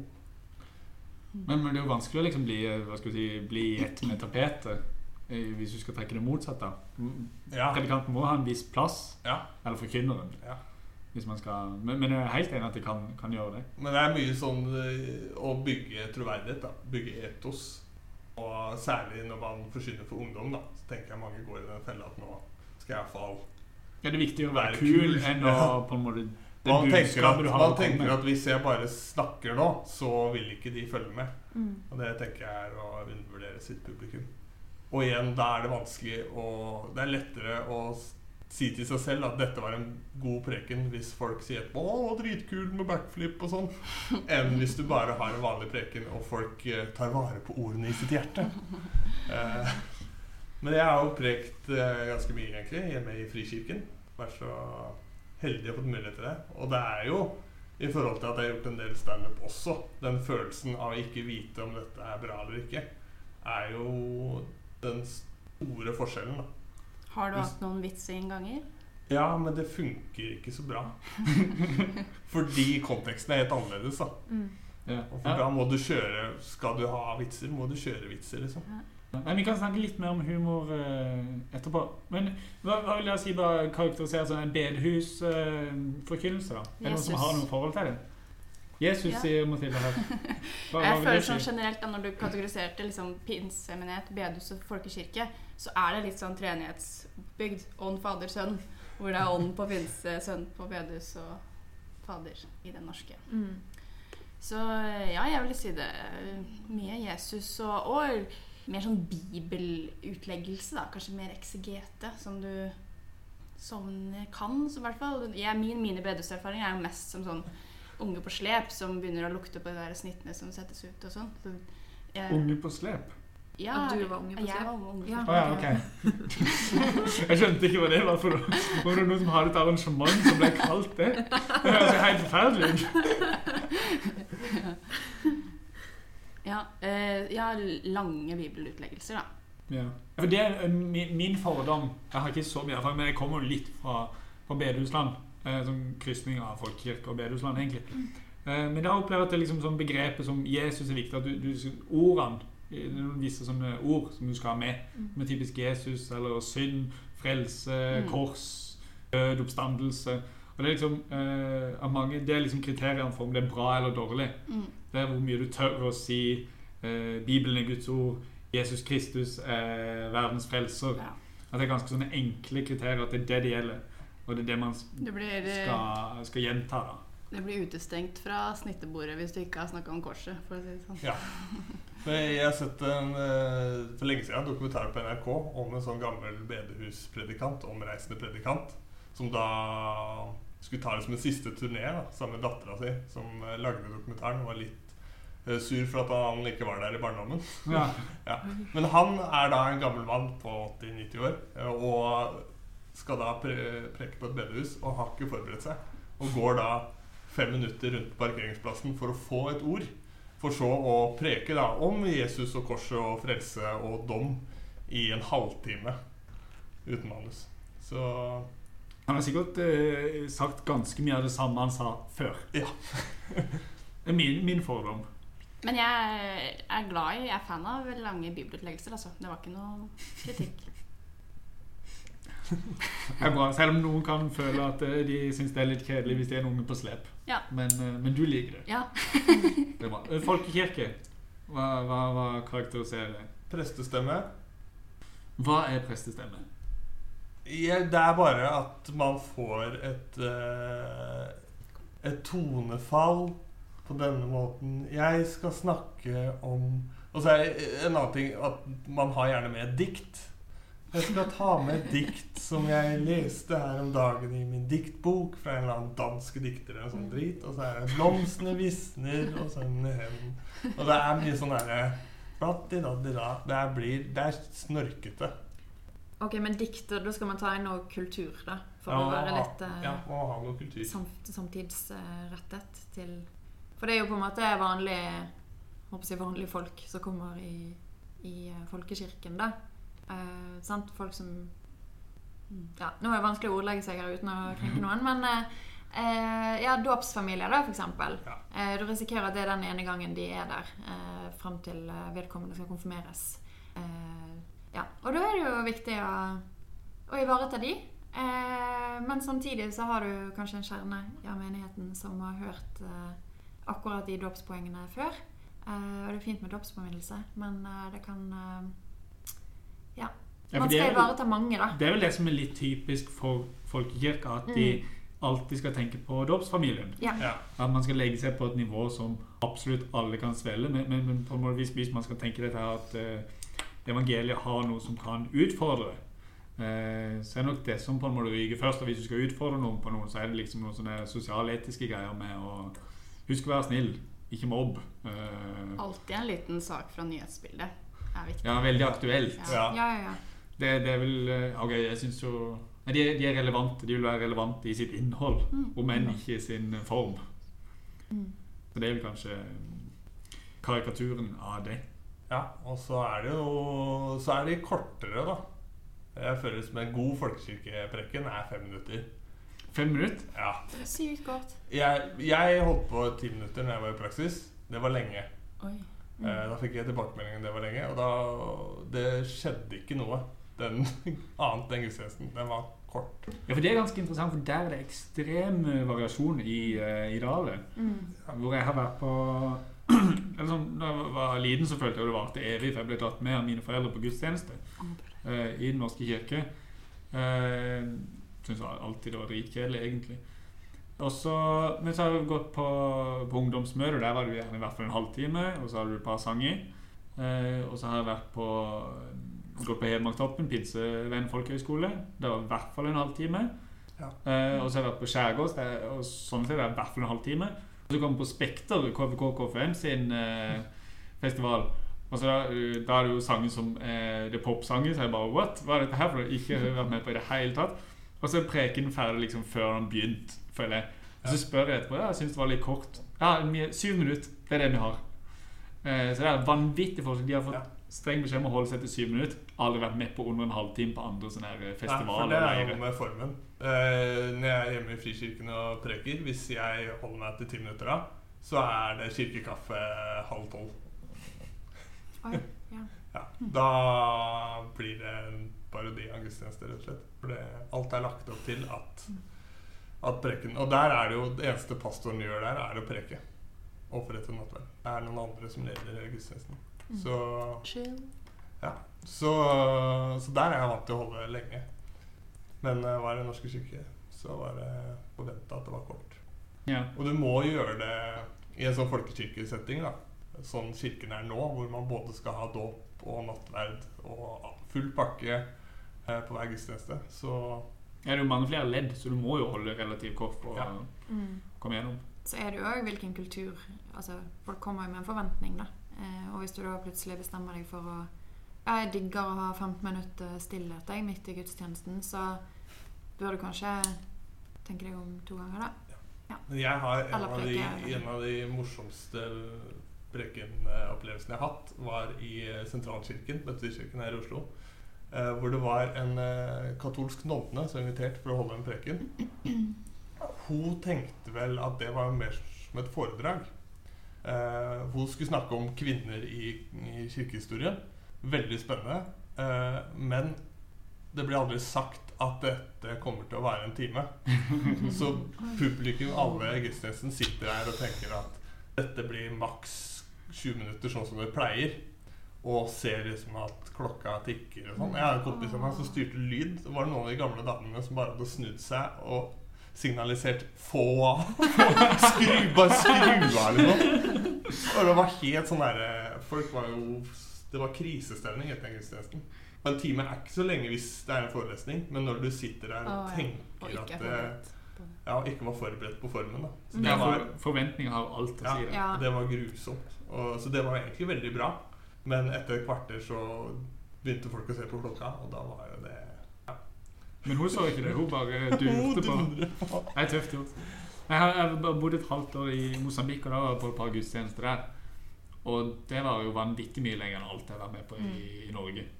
Eh, Og da var det jo gjerne vanvittig varmt òg, og jeg var med på noe seint på kvelden. Så det var ikke så mange gudstjenester jeg var med på, men jeg tror jeg sovna på alle sammen. Gjerne flere ganger. Og det, det var Og det er vel også bibelsk òg, er det ikke Apostlenes gjerninger? Hvor det er de preker helt til en sovner og detter ut av vinduet og dør. Mm.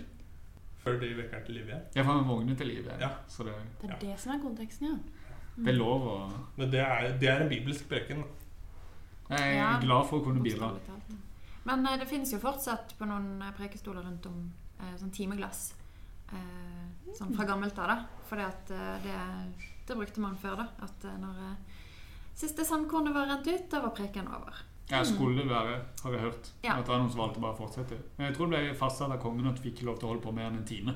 Ja. Eh, Så var jo ganske andre preken i Dale før Mm. når det gjelder tid. Og da kom jo folk eh, til, til kirken for å bli håper jeg, utdannet, eh, eller for å bli mer dannet. da. Nå er det jo en liten endring der. At det Ja, en gang så var det prestene som leder samfunnet. mm. Tenk det. Tenk Mens det. nå sitter vi og prøver å please Ta makten tilbake, se. Men det er jo noe av det jeg gleder meg mest til ved å bli prest. er jo å preke. Ja. ja. og det er vel litt for å For å få pleid et lite ego.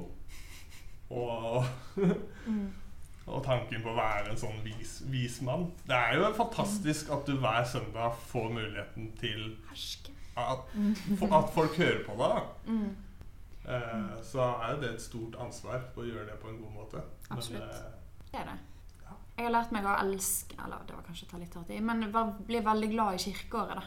Eh, fordi at jeg opplevde at hvis jeg skal komme et sted og ha en preken en gang, så har jeg lyst til å si alt eh, til den forsamlingen som er der. Eh, men hvis man følger kirkeåret, da, så kan man på en måte ja, ta utgangspunkt i at eh, ok, noen sånn trossentrale sannheter, det skal, det skal man si eh, hver gang. Eh, eller ganske ofte. Men liksom disse her gode prekenpoengene de kan man fordele utover i året. da, ut ja, Sånn som nå er vi i fastetiden, f.eks. Vi har ikke spurt hverandre om hva vi faster, eh, faster fra, eh, men eh, det er nå greit. Men ja, jeg syns at kirkeåret er, som vi bruker i Den norske kirke, da, er skikkelig fint.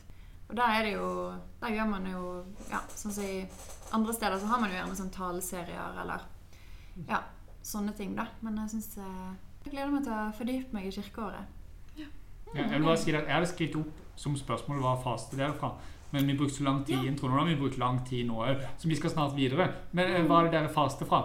Skal du på do igjen? Er det- Er det det? Nei, jeg faster, bare ta dere. Jeg faster fra faste. Uh, Jeg er så lei Metagutten. Metagutten. Ja, Wow. frøken Eh, jeg faster til uh, mer uh, bibellesing. Mm. Prøver å komme gjennom litt Paulus godbiter. Ja da. Og Mathilde. Jeg faster fra sosiale medier i kollektiv eh, reise. What? Jeg faster eh, Oi. til å be på kollektivt. Ah, ja, ok, du skulle gjøre noe annet. Ja, Ja. det var poenget å gjøre det. skjønner jeg. Ja, jeg faster fra porno. Yay! Hvordan går det? Jeg stoppet. Ok. Jeg ser aldri på porno uansett. Da er det tid for kunngjøringer. Eh, først ønsker vi å gratulere Miguel fra Paradise med å ha blitt kristen og gått på Battle School of Supernatural Ministry. Etterpå eh, vil jeg eh, så tvil om Aslei Krem er den beste fotballspilleren på eh, MF av lærerne, og ønsker å nominere Vegard Holm eller Emil Sætre. Two guys and a bird eh, er et uttrykk som omtaler typiske billetter av treenigheten, og ikke en film som du ikke vil se med foreldrene dine. Espen Ester Pirelli Benestad er firmenningen til Øyvind Benestad. Jeg minner om eh, muligheten til å angi liggende og drikkende venner og uvenner, og i den sammenheng er det viktig å huske hvordan offentlig synsbekjennelse funker bra for Eikli og Kjøde. Takk.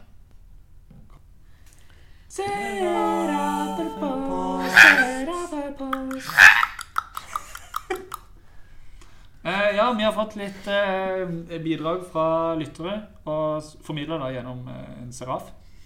Eh, først så kommer det fra FAM, tidligere SR-leder, som er opphavet til det folkekjære uttrykket 'opp og fam'. Eh, hun har gratulert oss med to kongeepisoder, og ønsker samtidig å presisere at Mor-Jakob er et brødhue som tror at MF er et fakultet. For som, Sam, som FAM skriver, så har MF jobba for å skille seg fra det O Store Universitetet i Oslo. Og det korrekte er å tiltale MF som vitenskapelig høyskole, og på vegne av MJ tar jeg saftig selvkritikk.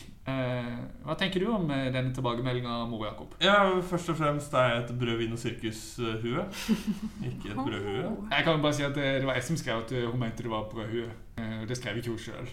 Nei, nei, men eh, kritikk for henne likevel. Nei, jeg vil alltid kalle MF eh, Vil fortsette med det. For et fakultet, for det er de. Og hvis folk tror vi er under U... Nei, det driter jeg i. Det har ikke jeg. Kritikken preller av. Ja, kritikken preller av. Ja. FAM ønsker i samme slengen å oppfordre studenter til å svare på studentenes eh, helse- og trivselsundersøkelse, som stenger 20. mars om ei uke. Så hiv dere rundt, studenter. Der finnes undersøkelsen i mailbøtta. Shot, shot, shot, shot. Hva er det den heter. Heter den Shot? Undersøkelse.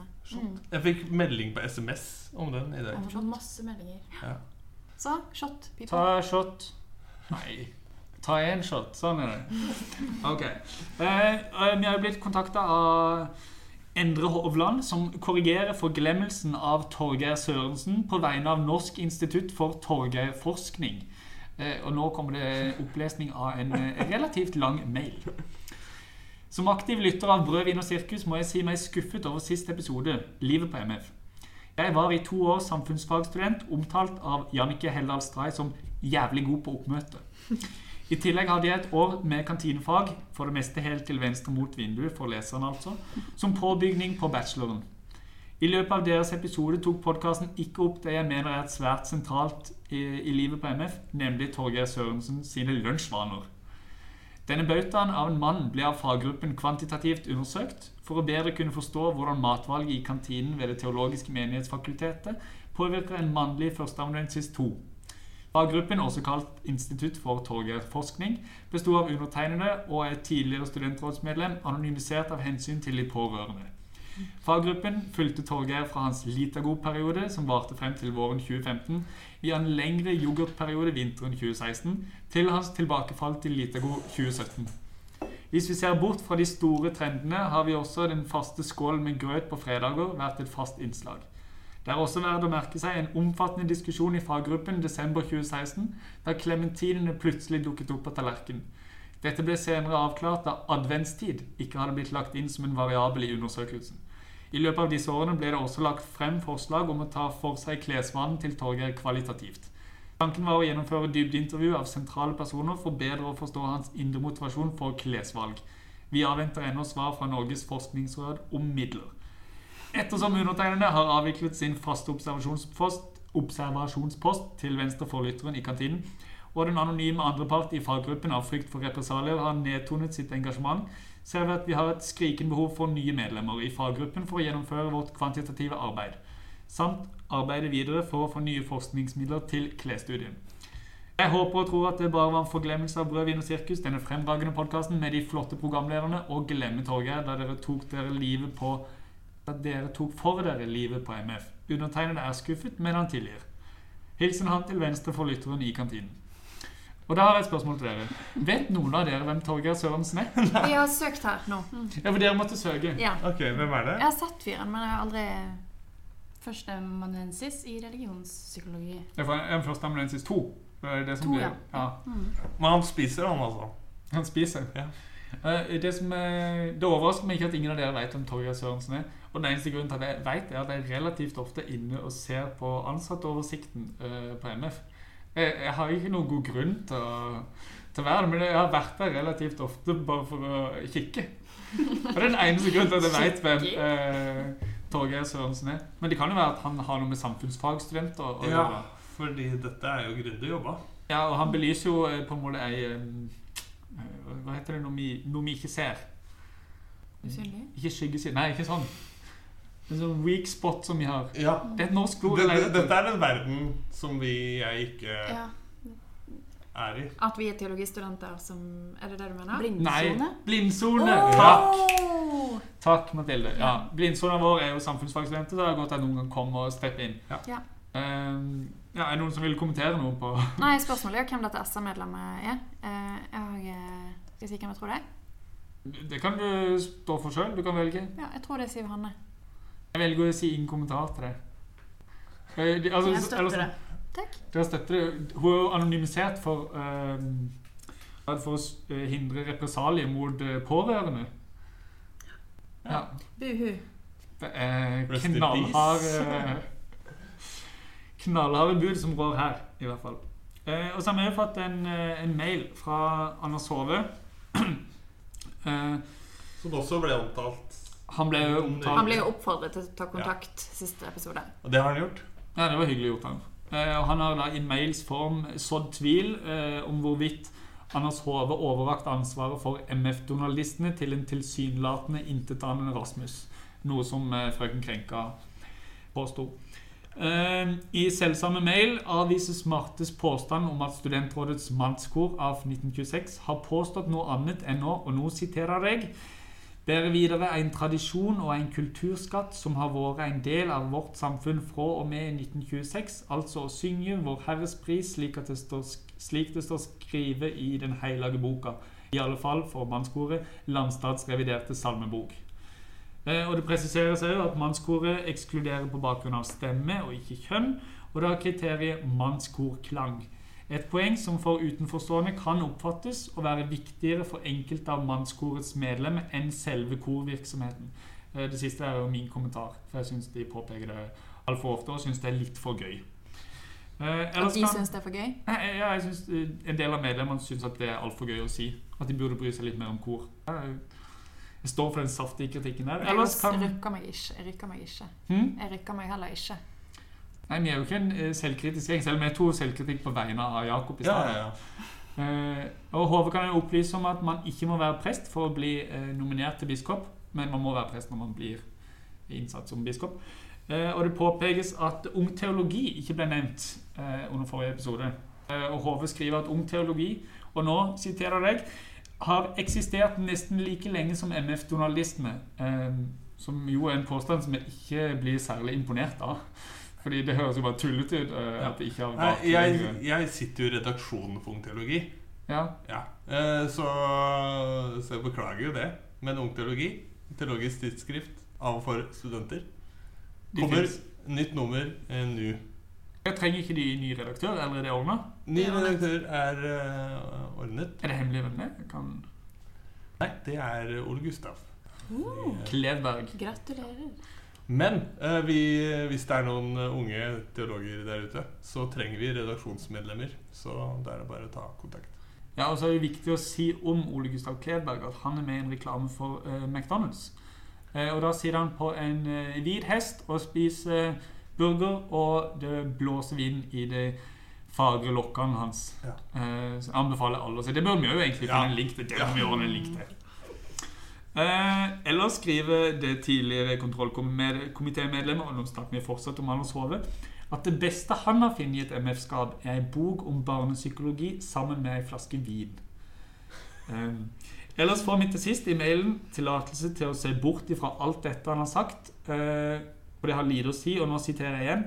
Eh, det, det er ikke så viktig for oss å høre på dette, fordi vi er en særlig for en slik framifrå-podkast. Så det var noen hyggelige ord til, Til slutt. til slutt. der. Takk. Ja, vil noen Takk. si noe mer? Vi har jo kommentert en del underveis, for det var mye å kommentere. ja, ja. Nei, dette, det er hyggelig å få post, da. Hyggelig å få post. Men vi vet fortsatt ikke hva som skjer med Donald-klubben. Det var det spørsmålet var, og det har jo Anders Hove bare unngått. Men han, han, det- ok, det var en så lang mail, så jeg klippa litt. og har jo ikke med alt, Men han skrev jo at eh, faren hans sin, eh, kjente til klubben når han gikk her, men selv om han ikke var med eh, i MF-journalisten. Så, så, såpass, ja. ja, så det har vart lenge, men vi fikk jo ikke løst noen ting. Nei. Så kanskje vi prøv- skal prøve å henvende oss til Rasmus. For Rasmus er jo Nåværende leder. kanskje nåværende leder, og det er jo, har kanskje sådd litt tvil om han veit det egentlig sjøl. Men vi håper, kan ikke noen si det til Rasmus, eh, og så kan Rasmus ta kontakt med oss? Ja. Ja, det hadde vært flott. Ehm, da er vi egentlig ferdig med uh, Serafoposten. Er det noen som vil si noe, noe mer om den? Da kjører vi, kjører vi på med noe mer forkynnelse. Mer forkynnelse. Mer forkynnelse. Og Da fortsetter vi med temaet. Politikk, forkynnelse. Kan man være politisk når man forkynner? Førstemann. Ja. Ja. Skap litt friksjon, da. Ja, ja det er, men det er litt flaut. Noen ganger. Flaut å være politisk. Ja, det er flaut å være politisk. Hvorfor det? Stemmer du på tulleparti? ja. Nei, men det er noe hvor det, det blir litt sånn påtatt, tenker jeg. da At man skal snakke om politiske ting. Og særlig flyktningkrisa. Er det sånn åh, må jeg høre nok en preken hvor du drar inn flyktningkrisa, på en måte. Eh, men hvis det er gjort på riktig måte med engasjement, så tror jeg tenker man kan gjøre det meste fra talerstolen. Ja. Backflip òg? Backflip òg. Muntlig. Muntlig kan jo hva som helst. Ja, okay. Men eh, jeg tenker jo at eh, hvis eh, ja, Noen ganger så virker det litt påtatt at nå skal jeg være politisk, mens andre Ja, Hva vil det si å være politisk i, i forkynnelse? For det, det, Der vil jo folk være ganske uenige om hva som hva Det det er vil veldig stor forskjell på, um, på å være partipolitisk og si at vi hater Erna Solberg, liksom. Eh, til å oppfordre folk til å ta imot flyktninger, på en måte. Ja, men, er men, forskjell? men hvor, hvor er forskjellen? For det har jeg aldri skjønt. Liksom, folk sier liksom du kan ikke Det er det jeg har hørt. Liksom, du kan ikke være partipolitisk, men du kan være eh, politisk. Det virker Mm. som at de fleste på en måte er enige om. Men, men når man sier eh, 'heia flyktninger', eh, så, så har jo det på en måte et slags partipolitisk eh, eh, side. Eller på en måte i, Det norske kirke er jo på en måte sånn uttalt offentlig ganske opptatt av klima. Eh, og det er jo på en måte definitivt ei, ei partipolitisk side. Det er lett å på en måte tolke hvilke partier er gode på dette, og hvilke ikke. Hvordan skal man skille på hva som er partipolitikk og ikke? Ja, det er vanskelig. Eh, men prøve å holde Jeg vet ikke Holde seg til saken utenom å gå Nei, jeg vet åh, Det er vanskelig. Nei, men det er jo noe Jeg tenker jo at man bør være tro mot uh, teksten. Mm. F.eks. teksten med 'rike unge mannen'. Og ikke snakke om forbruk, og ikke gi noen små stikk til kapitalismen der, på en måte, er jo litt uunngåelig, da. Uh, ja. Ja, for Den rike unge mannen, de som ikke kjenner historien, hva er historien om eh, en rik ung mann som spør Jesus hva må jeg gjøre. Eller jeg gjør alt dette riktig, men hva må jeg gjøre for å få evig liv? Og så sier han selv alt du eier. Jeg har gitt til de fattige, og da gikk han slukøret bort. Det er ganske radis av Jesus, da. Ja, og, ja, og hvordan skal man eh, snakke om det eh, til eh, mennesker i Norge i dag uten å virke borti jeg vil si politiske ting, da. Mm. Jeg hadde Ja, men- faktisk akkurat den teksten i sommer eh, når jeg var prest på Voss. Eh, med dåpsfamilie og liksom hele denne pakken til stede da. Ja, det var, det var på en måte første preken jeg har holdt som, som presten. da. Eh, sånn, ja, At jeg fikk lønn for det. Og du sa bare 'selg alt jeg eier', så kommer dere til himmelen. Eh, ja Nei, jeg gjorde ikke det. Jeg, eh, jeg snakket om kapitalisme og Norge i dag og, og sånn, men jeg snakket òg om, om skjult eh, fattigdom i Norge i dag. Eller, for det er jo ganske tabubelagt. Og eh, det er jo ikke sånn veldig Ja, det er jo forskjell på på en måte ha Også i Norge, da, så det er jo forskjell på kontekstene på Frogner på en måte og eh, landbrukssamfunn utenfor Voss. Eh, folk er jo ikke nødvendigvis rike. Ja. Så prøvde å få folk til å føle seg sett og inkludert. da. Det var min intensjon. Og det, det tror jeg på en måte er viktig. da, At intensjonen til den som har preken, er eh, ja, viktig. da. Eh, hvis, en, hvis intensjonen er at nå skal alle verve seg i SV, så, så er kanskje intensjonen feil. Men hvis intensjonen er at eh, eh, Alle skal være i Frp, så Nei, at eh, Jesus eh, godkjenner deg uansett. Eller sånn. Det handler om hvor man har eh, Hvor man peker henne, da, tenker jeg. Og så går det an å peke i flere retninger, men på en måte Pekefingeren bør peke på Jesus, da, kanskje. Mm. Men kan, kan man si at det kanskje er lov å si sånn uh, Istedenfor å si hvilket parti du eh, skal stemme på, så kan du si partiet du ikke skal stemme på. Kan det være lov, kanskje? Eller bare være veldig tydelig på liksom eh, Nei, heia klima. Jo, folk, Heia, folk eh, tenker jo at du stemmer KrF uansett. Gjør de det? Nei. Det er nesten ingen som stemmer i KrF nå. Det er sant. Men jeg tror jo at uh, Jeg tror ikke noen av de som har hørt mine prekener, har tenkt at jeg stemmer Frp, liksom. Uh, så ja, kan være jeg skal være litt mer åpen i den retningen for å inkludere de også. Jeg vet ikke. For ved å si 'ta imot flyktningene', så sier man jo òg 'ikke stemme Frp'. Kanskje? Avhengig, litt avhengig av hvordan man sier det, men ja. Ja, ja, jeg tror ofte det vil bli oppfatta sånn. Ja. Jeg tenker man kan snakke litt sånn mot holdningsendring.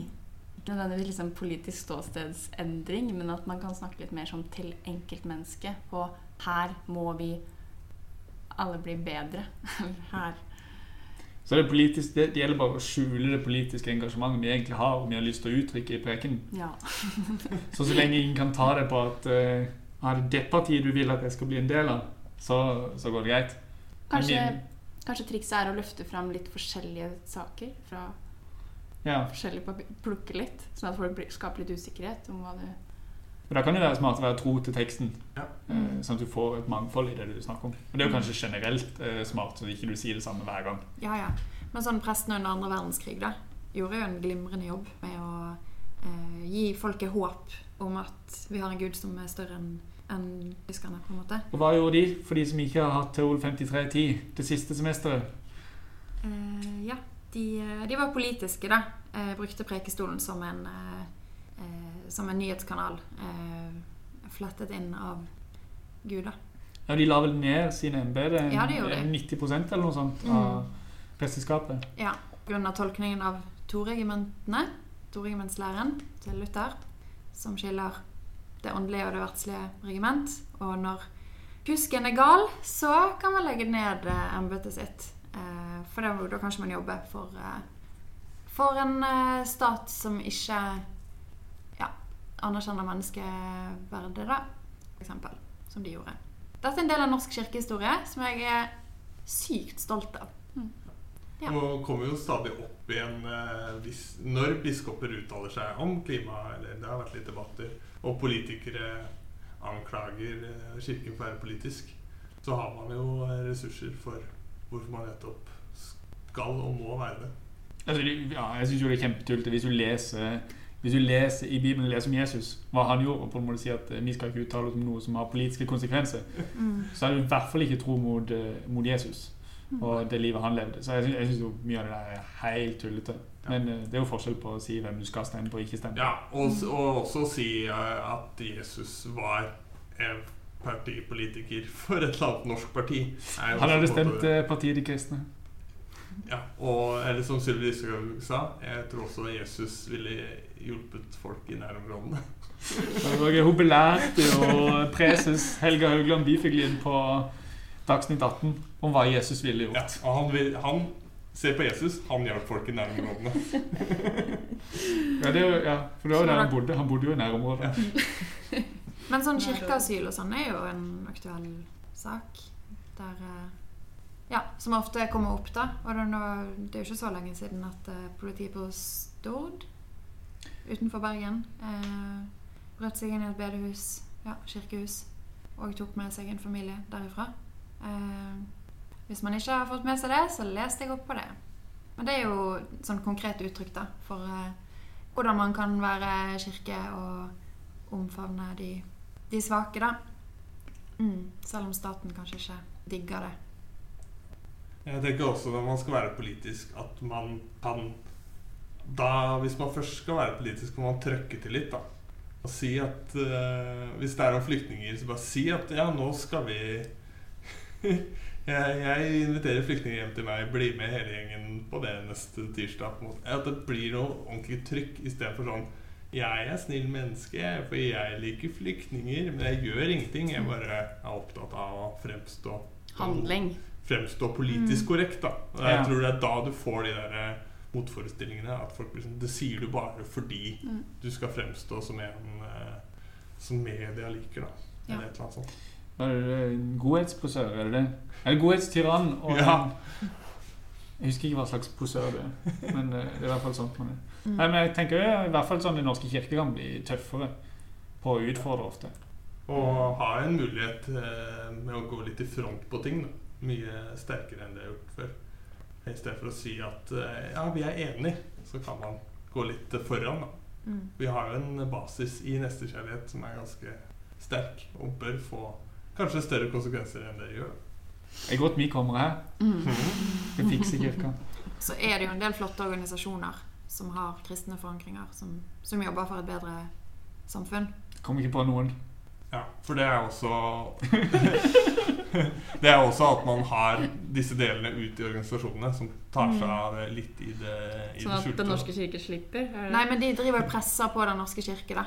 Eh, fordi at samarbeidet mange steder er ganske sterkt. Og nei, jeg snakker ikke bare om KFK-fem.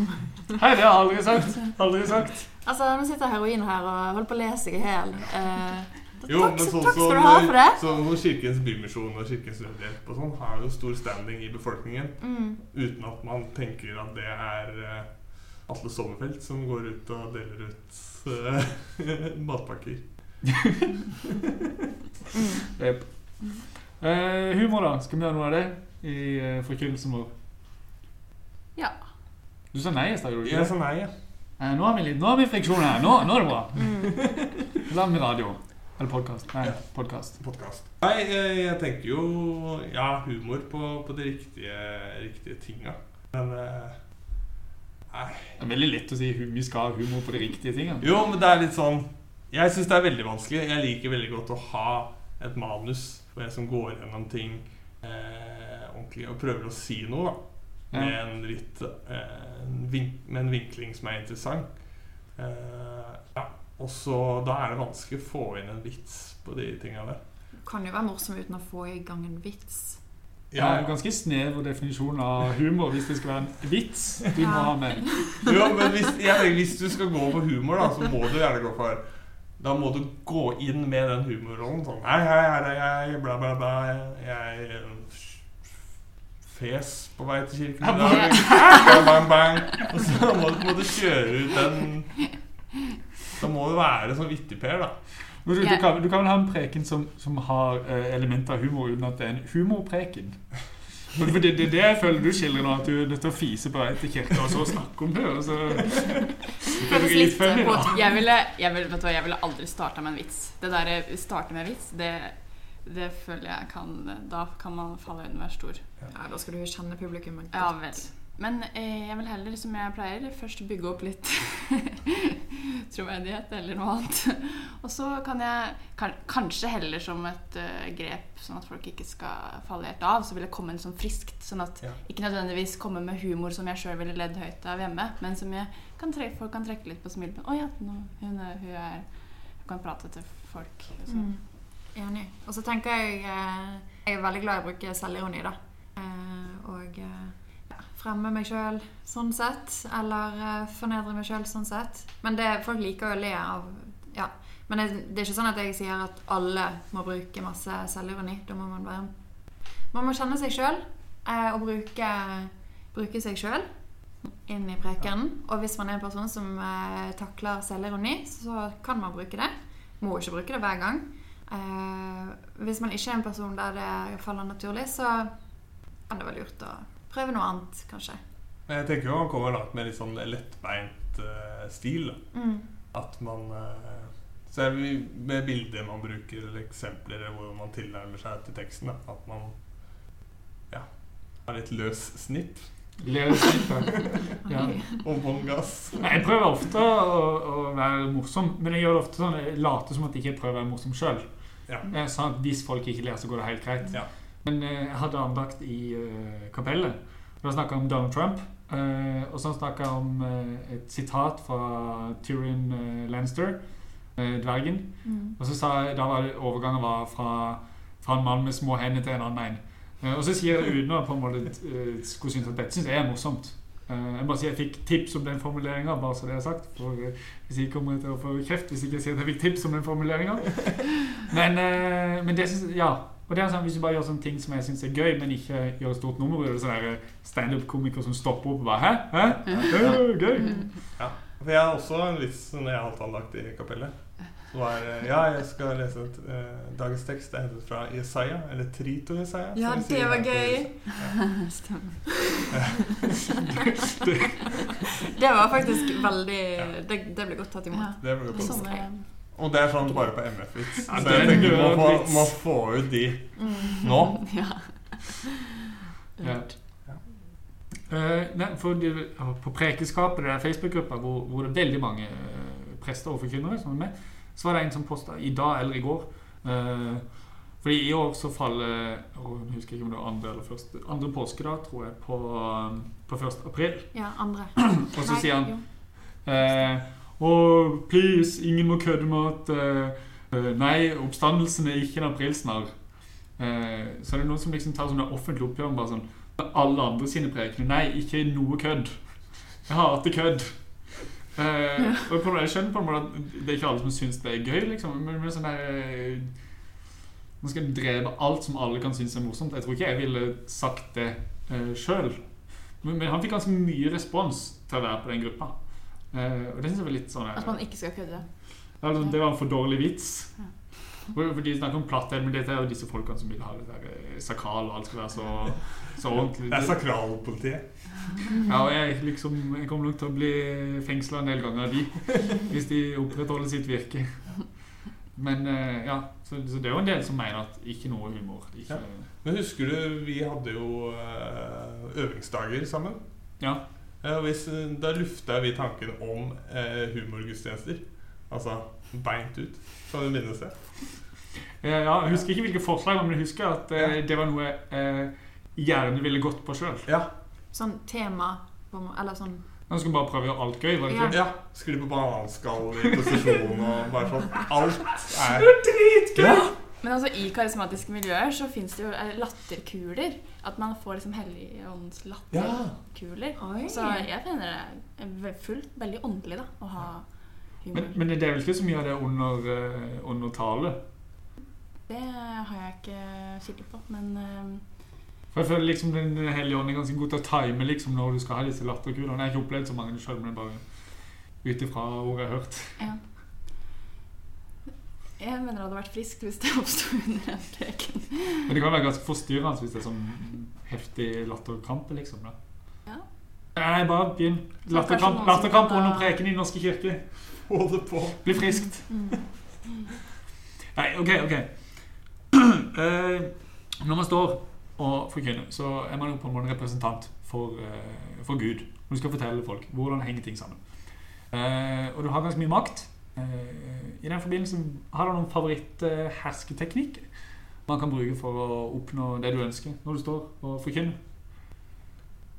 Ja, nei eh, Jeg tenker litt på hersketeknikker. Jeg hadde, hadde opplevelse som en som på en måte skulle få folk til å rekke opp hånda. Eh, alle som hadde, ikke hadde gått i barnehage, skulle rekke opp hånda. Eh, og så sa han 'velsign eh, dere'. Hæ? Eh, ja. Eh, fordi de da i, hadde vært hjemme i husets eh, ramme og ikke blitt påvirket av samfunnet i så ung alder. Eh, og det føler jeg jo er Hæ, hvor var du? Det var en baptistmenighet i Halden på et eh, økumenisk felles kirkelig ungdomsmøte.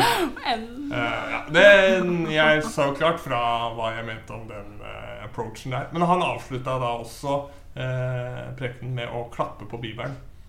Så han uh, rakka ned på hele min generasjon, og særlig meg, da, som hadde gått i barnehage. Og så sa han 'Svaret dere er her'. Så klappa han to ganger på Bibelen og gikk ned. Så ikke gå i barnehagen og bare så de som ikke hadde gått i barnehage, de kom godt ut, da. Men resten av oss For de fleste hadde vel gått i barnehage? eh, Ja, så det var ikke så mange som rakk på meg. Men de ble, ble velsigna. Skulle vært der. Jeg har ikke gått i barnehage. Nei. Ja, Stas. Ja, Nei, det er eh, litt sånn håndsopprekning også Ja, nå er det fra det jeg kjenner til, sånn frikirkelig, at man får folk til å gjenta ting, og man Ja, du, du krever jo liksom engasjement fra tilhørerne dine når du på en Ja. måte står på, på scenen eller talerstolen og sier at de andre må være med Ja. og snakke. Og også da på standpunkter som man legger fram. Ja, Noen andre hersketeknikker? Jeg tenker på det, Bruken av dette inkluderende vi-et kan Ja. jo også da fort bli ekskluderende. Eh, og, og hersketeknikk. At man sier ja, her, her ser vi at eh, det er sånn og sånn og sånn. Så påfører man da sine betraktninger på hele, alle tilhørere. Ja, Et eksempel som ikke er fra forkynnelse, men, men uh, frøken Krenka nevnte det i episoden om, um, om kristen privatskole. Hvor det, i- ingen, vi har ikke noen sånne blant oss, og da var det om uh, eh, organisasjonen FRI som skulle komme til Danielsen og forkynne om homofile. Hvor vi liksom, vi har ingen sånne.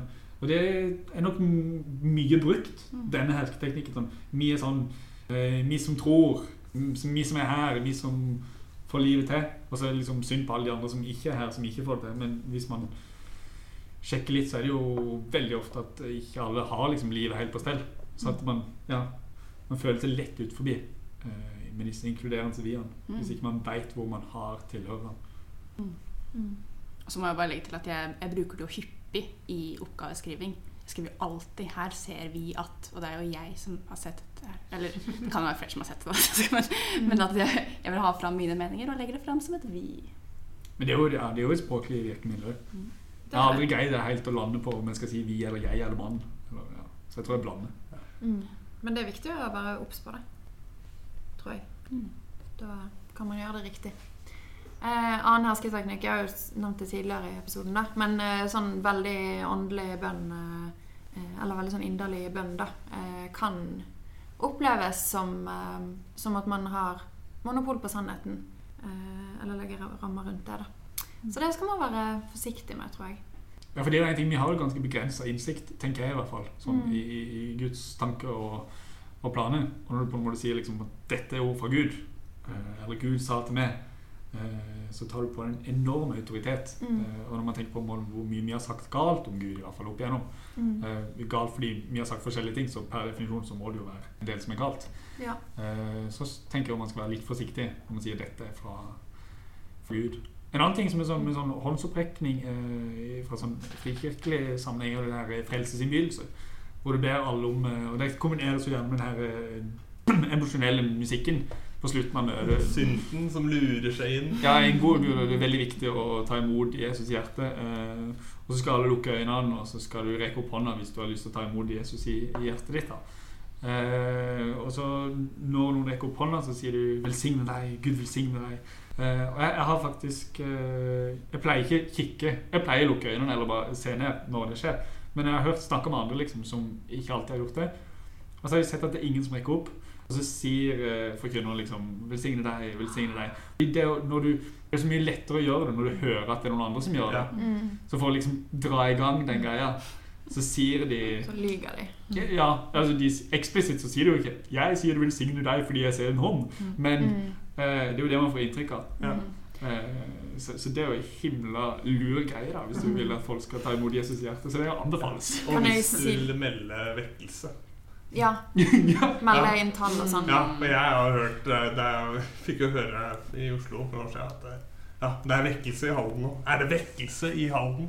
Ja, Og da hadde jeg hatt en sånn telling på et møte, da. Ja, og de satt med øynene igjen, de som skrev eh, protokoll. Kanskje. Sikkert. Eh, men en gang, så eh, første gang jeg var på sånn type ting, så misforsto jeg.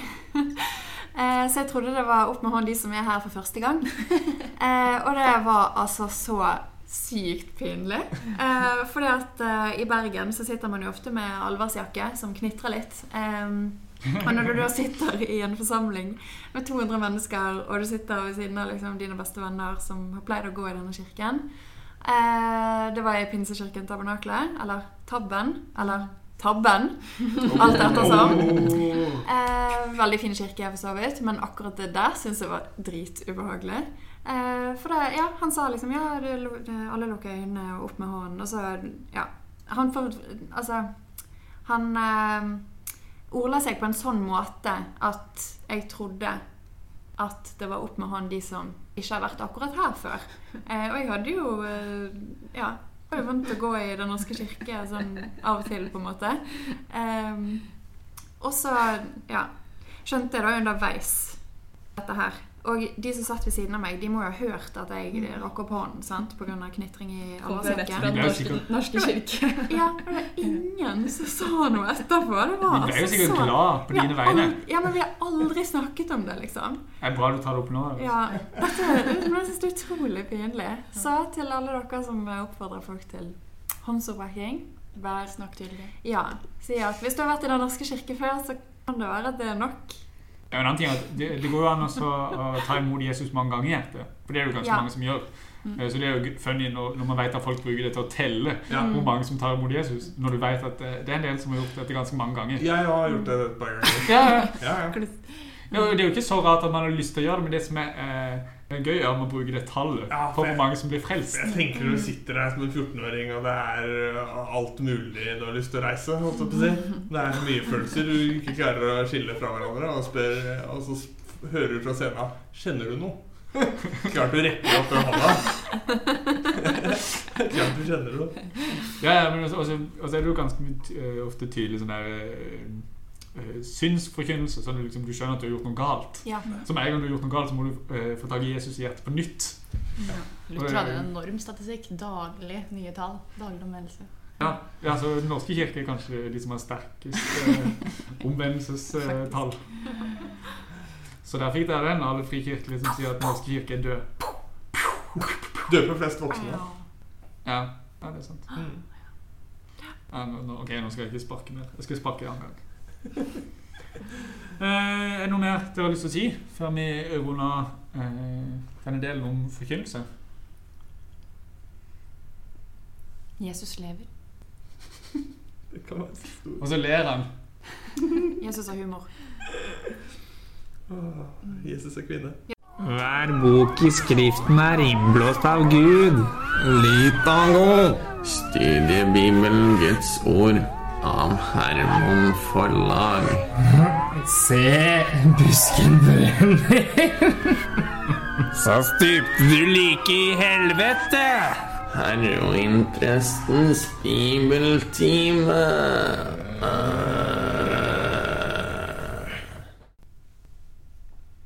I dag er det duka for resultatet av heroinprestens bibeltime.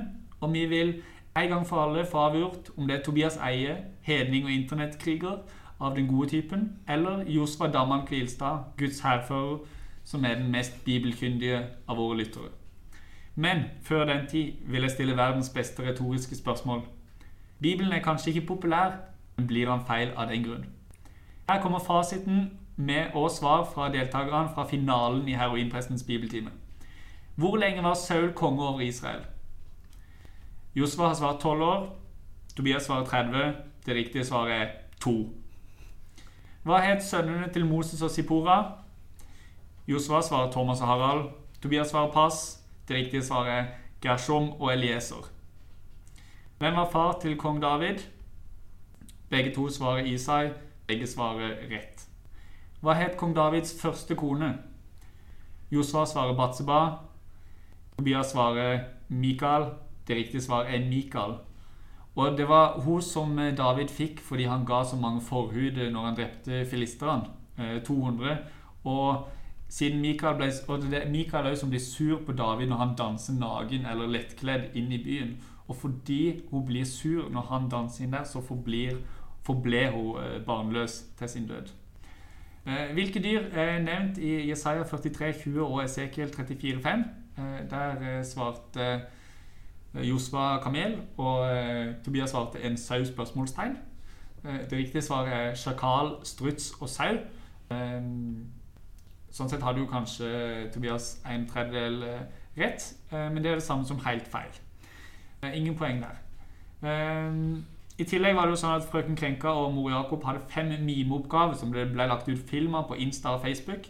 Eh, En post som for øvrig fikk skammelig dårlig respons, noe jeg syns absolutt alt eh, som jeg legger ut, får. Eh, Men helt serr, jeg gir mine beste tekster og år til Brød, vin og sirkus, og det går selvfølgelig utover preken som jeg skal holde i Majorstua Pluss nå på søndag klokka sju. Så jeg hadde satt pris på litt mer og positiv feedback på Facebook. Ehm, tilbake til finalen, hvor premien er pokal, håndskrevet diplom og frikort til himmelen.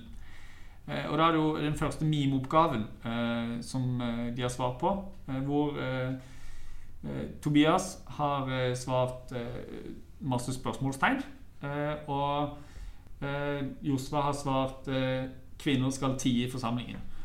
Og det er helt riktig av Josva. Oppgave to så har Tobias svart 'ut av syne, ut av sinn', mens Josva har svart 'øyekast'. Det riktige svaret er 'ut av øye, ut av sinn'. Ut av syne, ut av sinn. gøy. Oppgave tre. Da er det en veldig dårlig eh, memet greie her. Eh, og den anbefaler alle å gå inn og kikke på. Eh, og selv om det ser ut som om mor Jakob og frøken Krenka mimer at de skal kappe av kuken på mor Jakob, så prøver de faktisk å mime at man ikke skal sette lyset sitt under en skjeppe. Eller under et kar, som det står i 2011-oversettelsen. Eh, Josva har tippa 'forbuden frukt', og eh, eh, Tobias har tippa 'ikke plukk den lavthengende frukten'. Eh, så det viser jo hvor dårlig mint eh, dette her er. Eh, det fjerde oppgaven er eh, klipp hvor mor Jakob eh, slår eh, frøken Krenka på hånda eh, og begynner å le av det etterpå.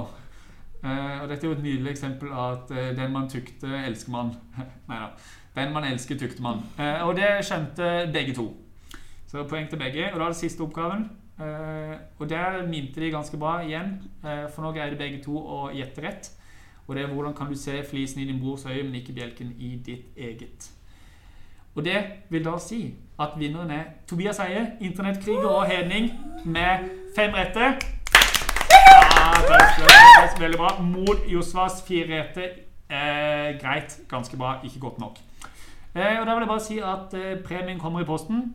Eh, og for siste gang måtte dere alle bli slått av Bibelens Guds nidkjærhet.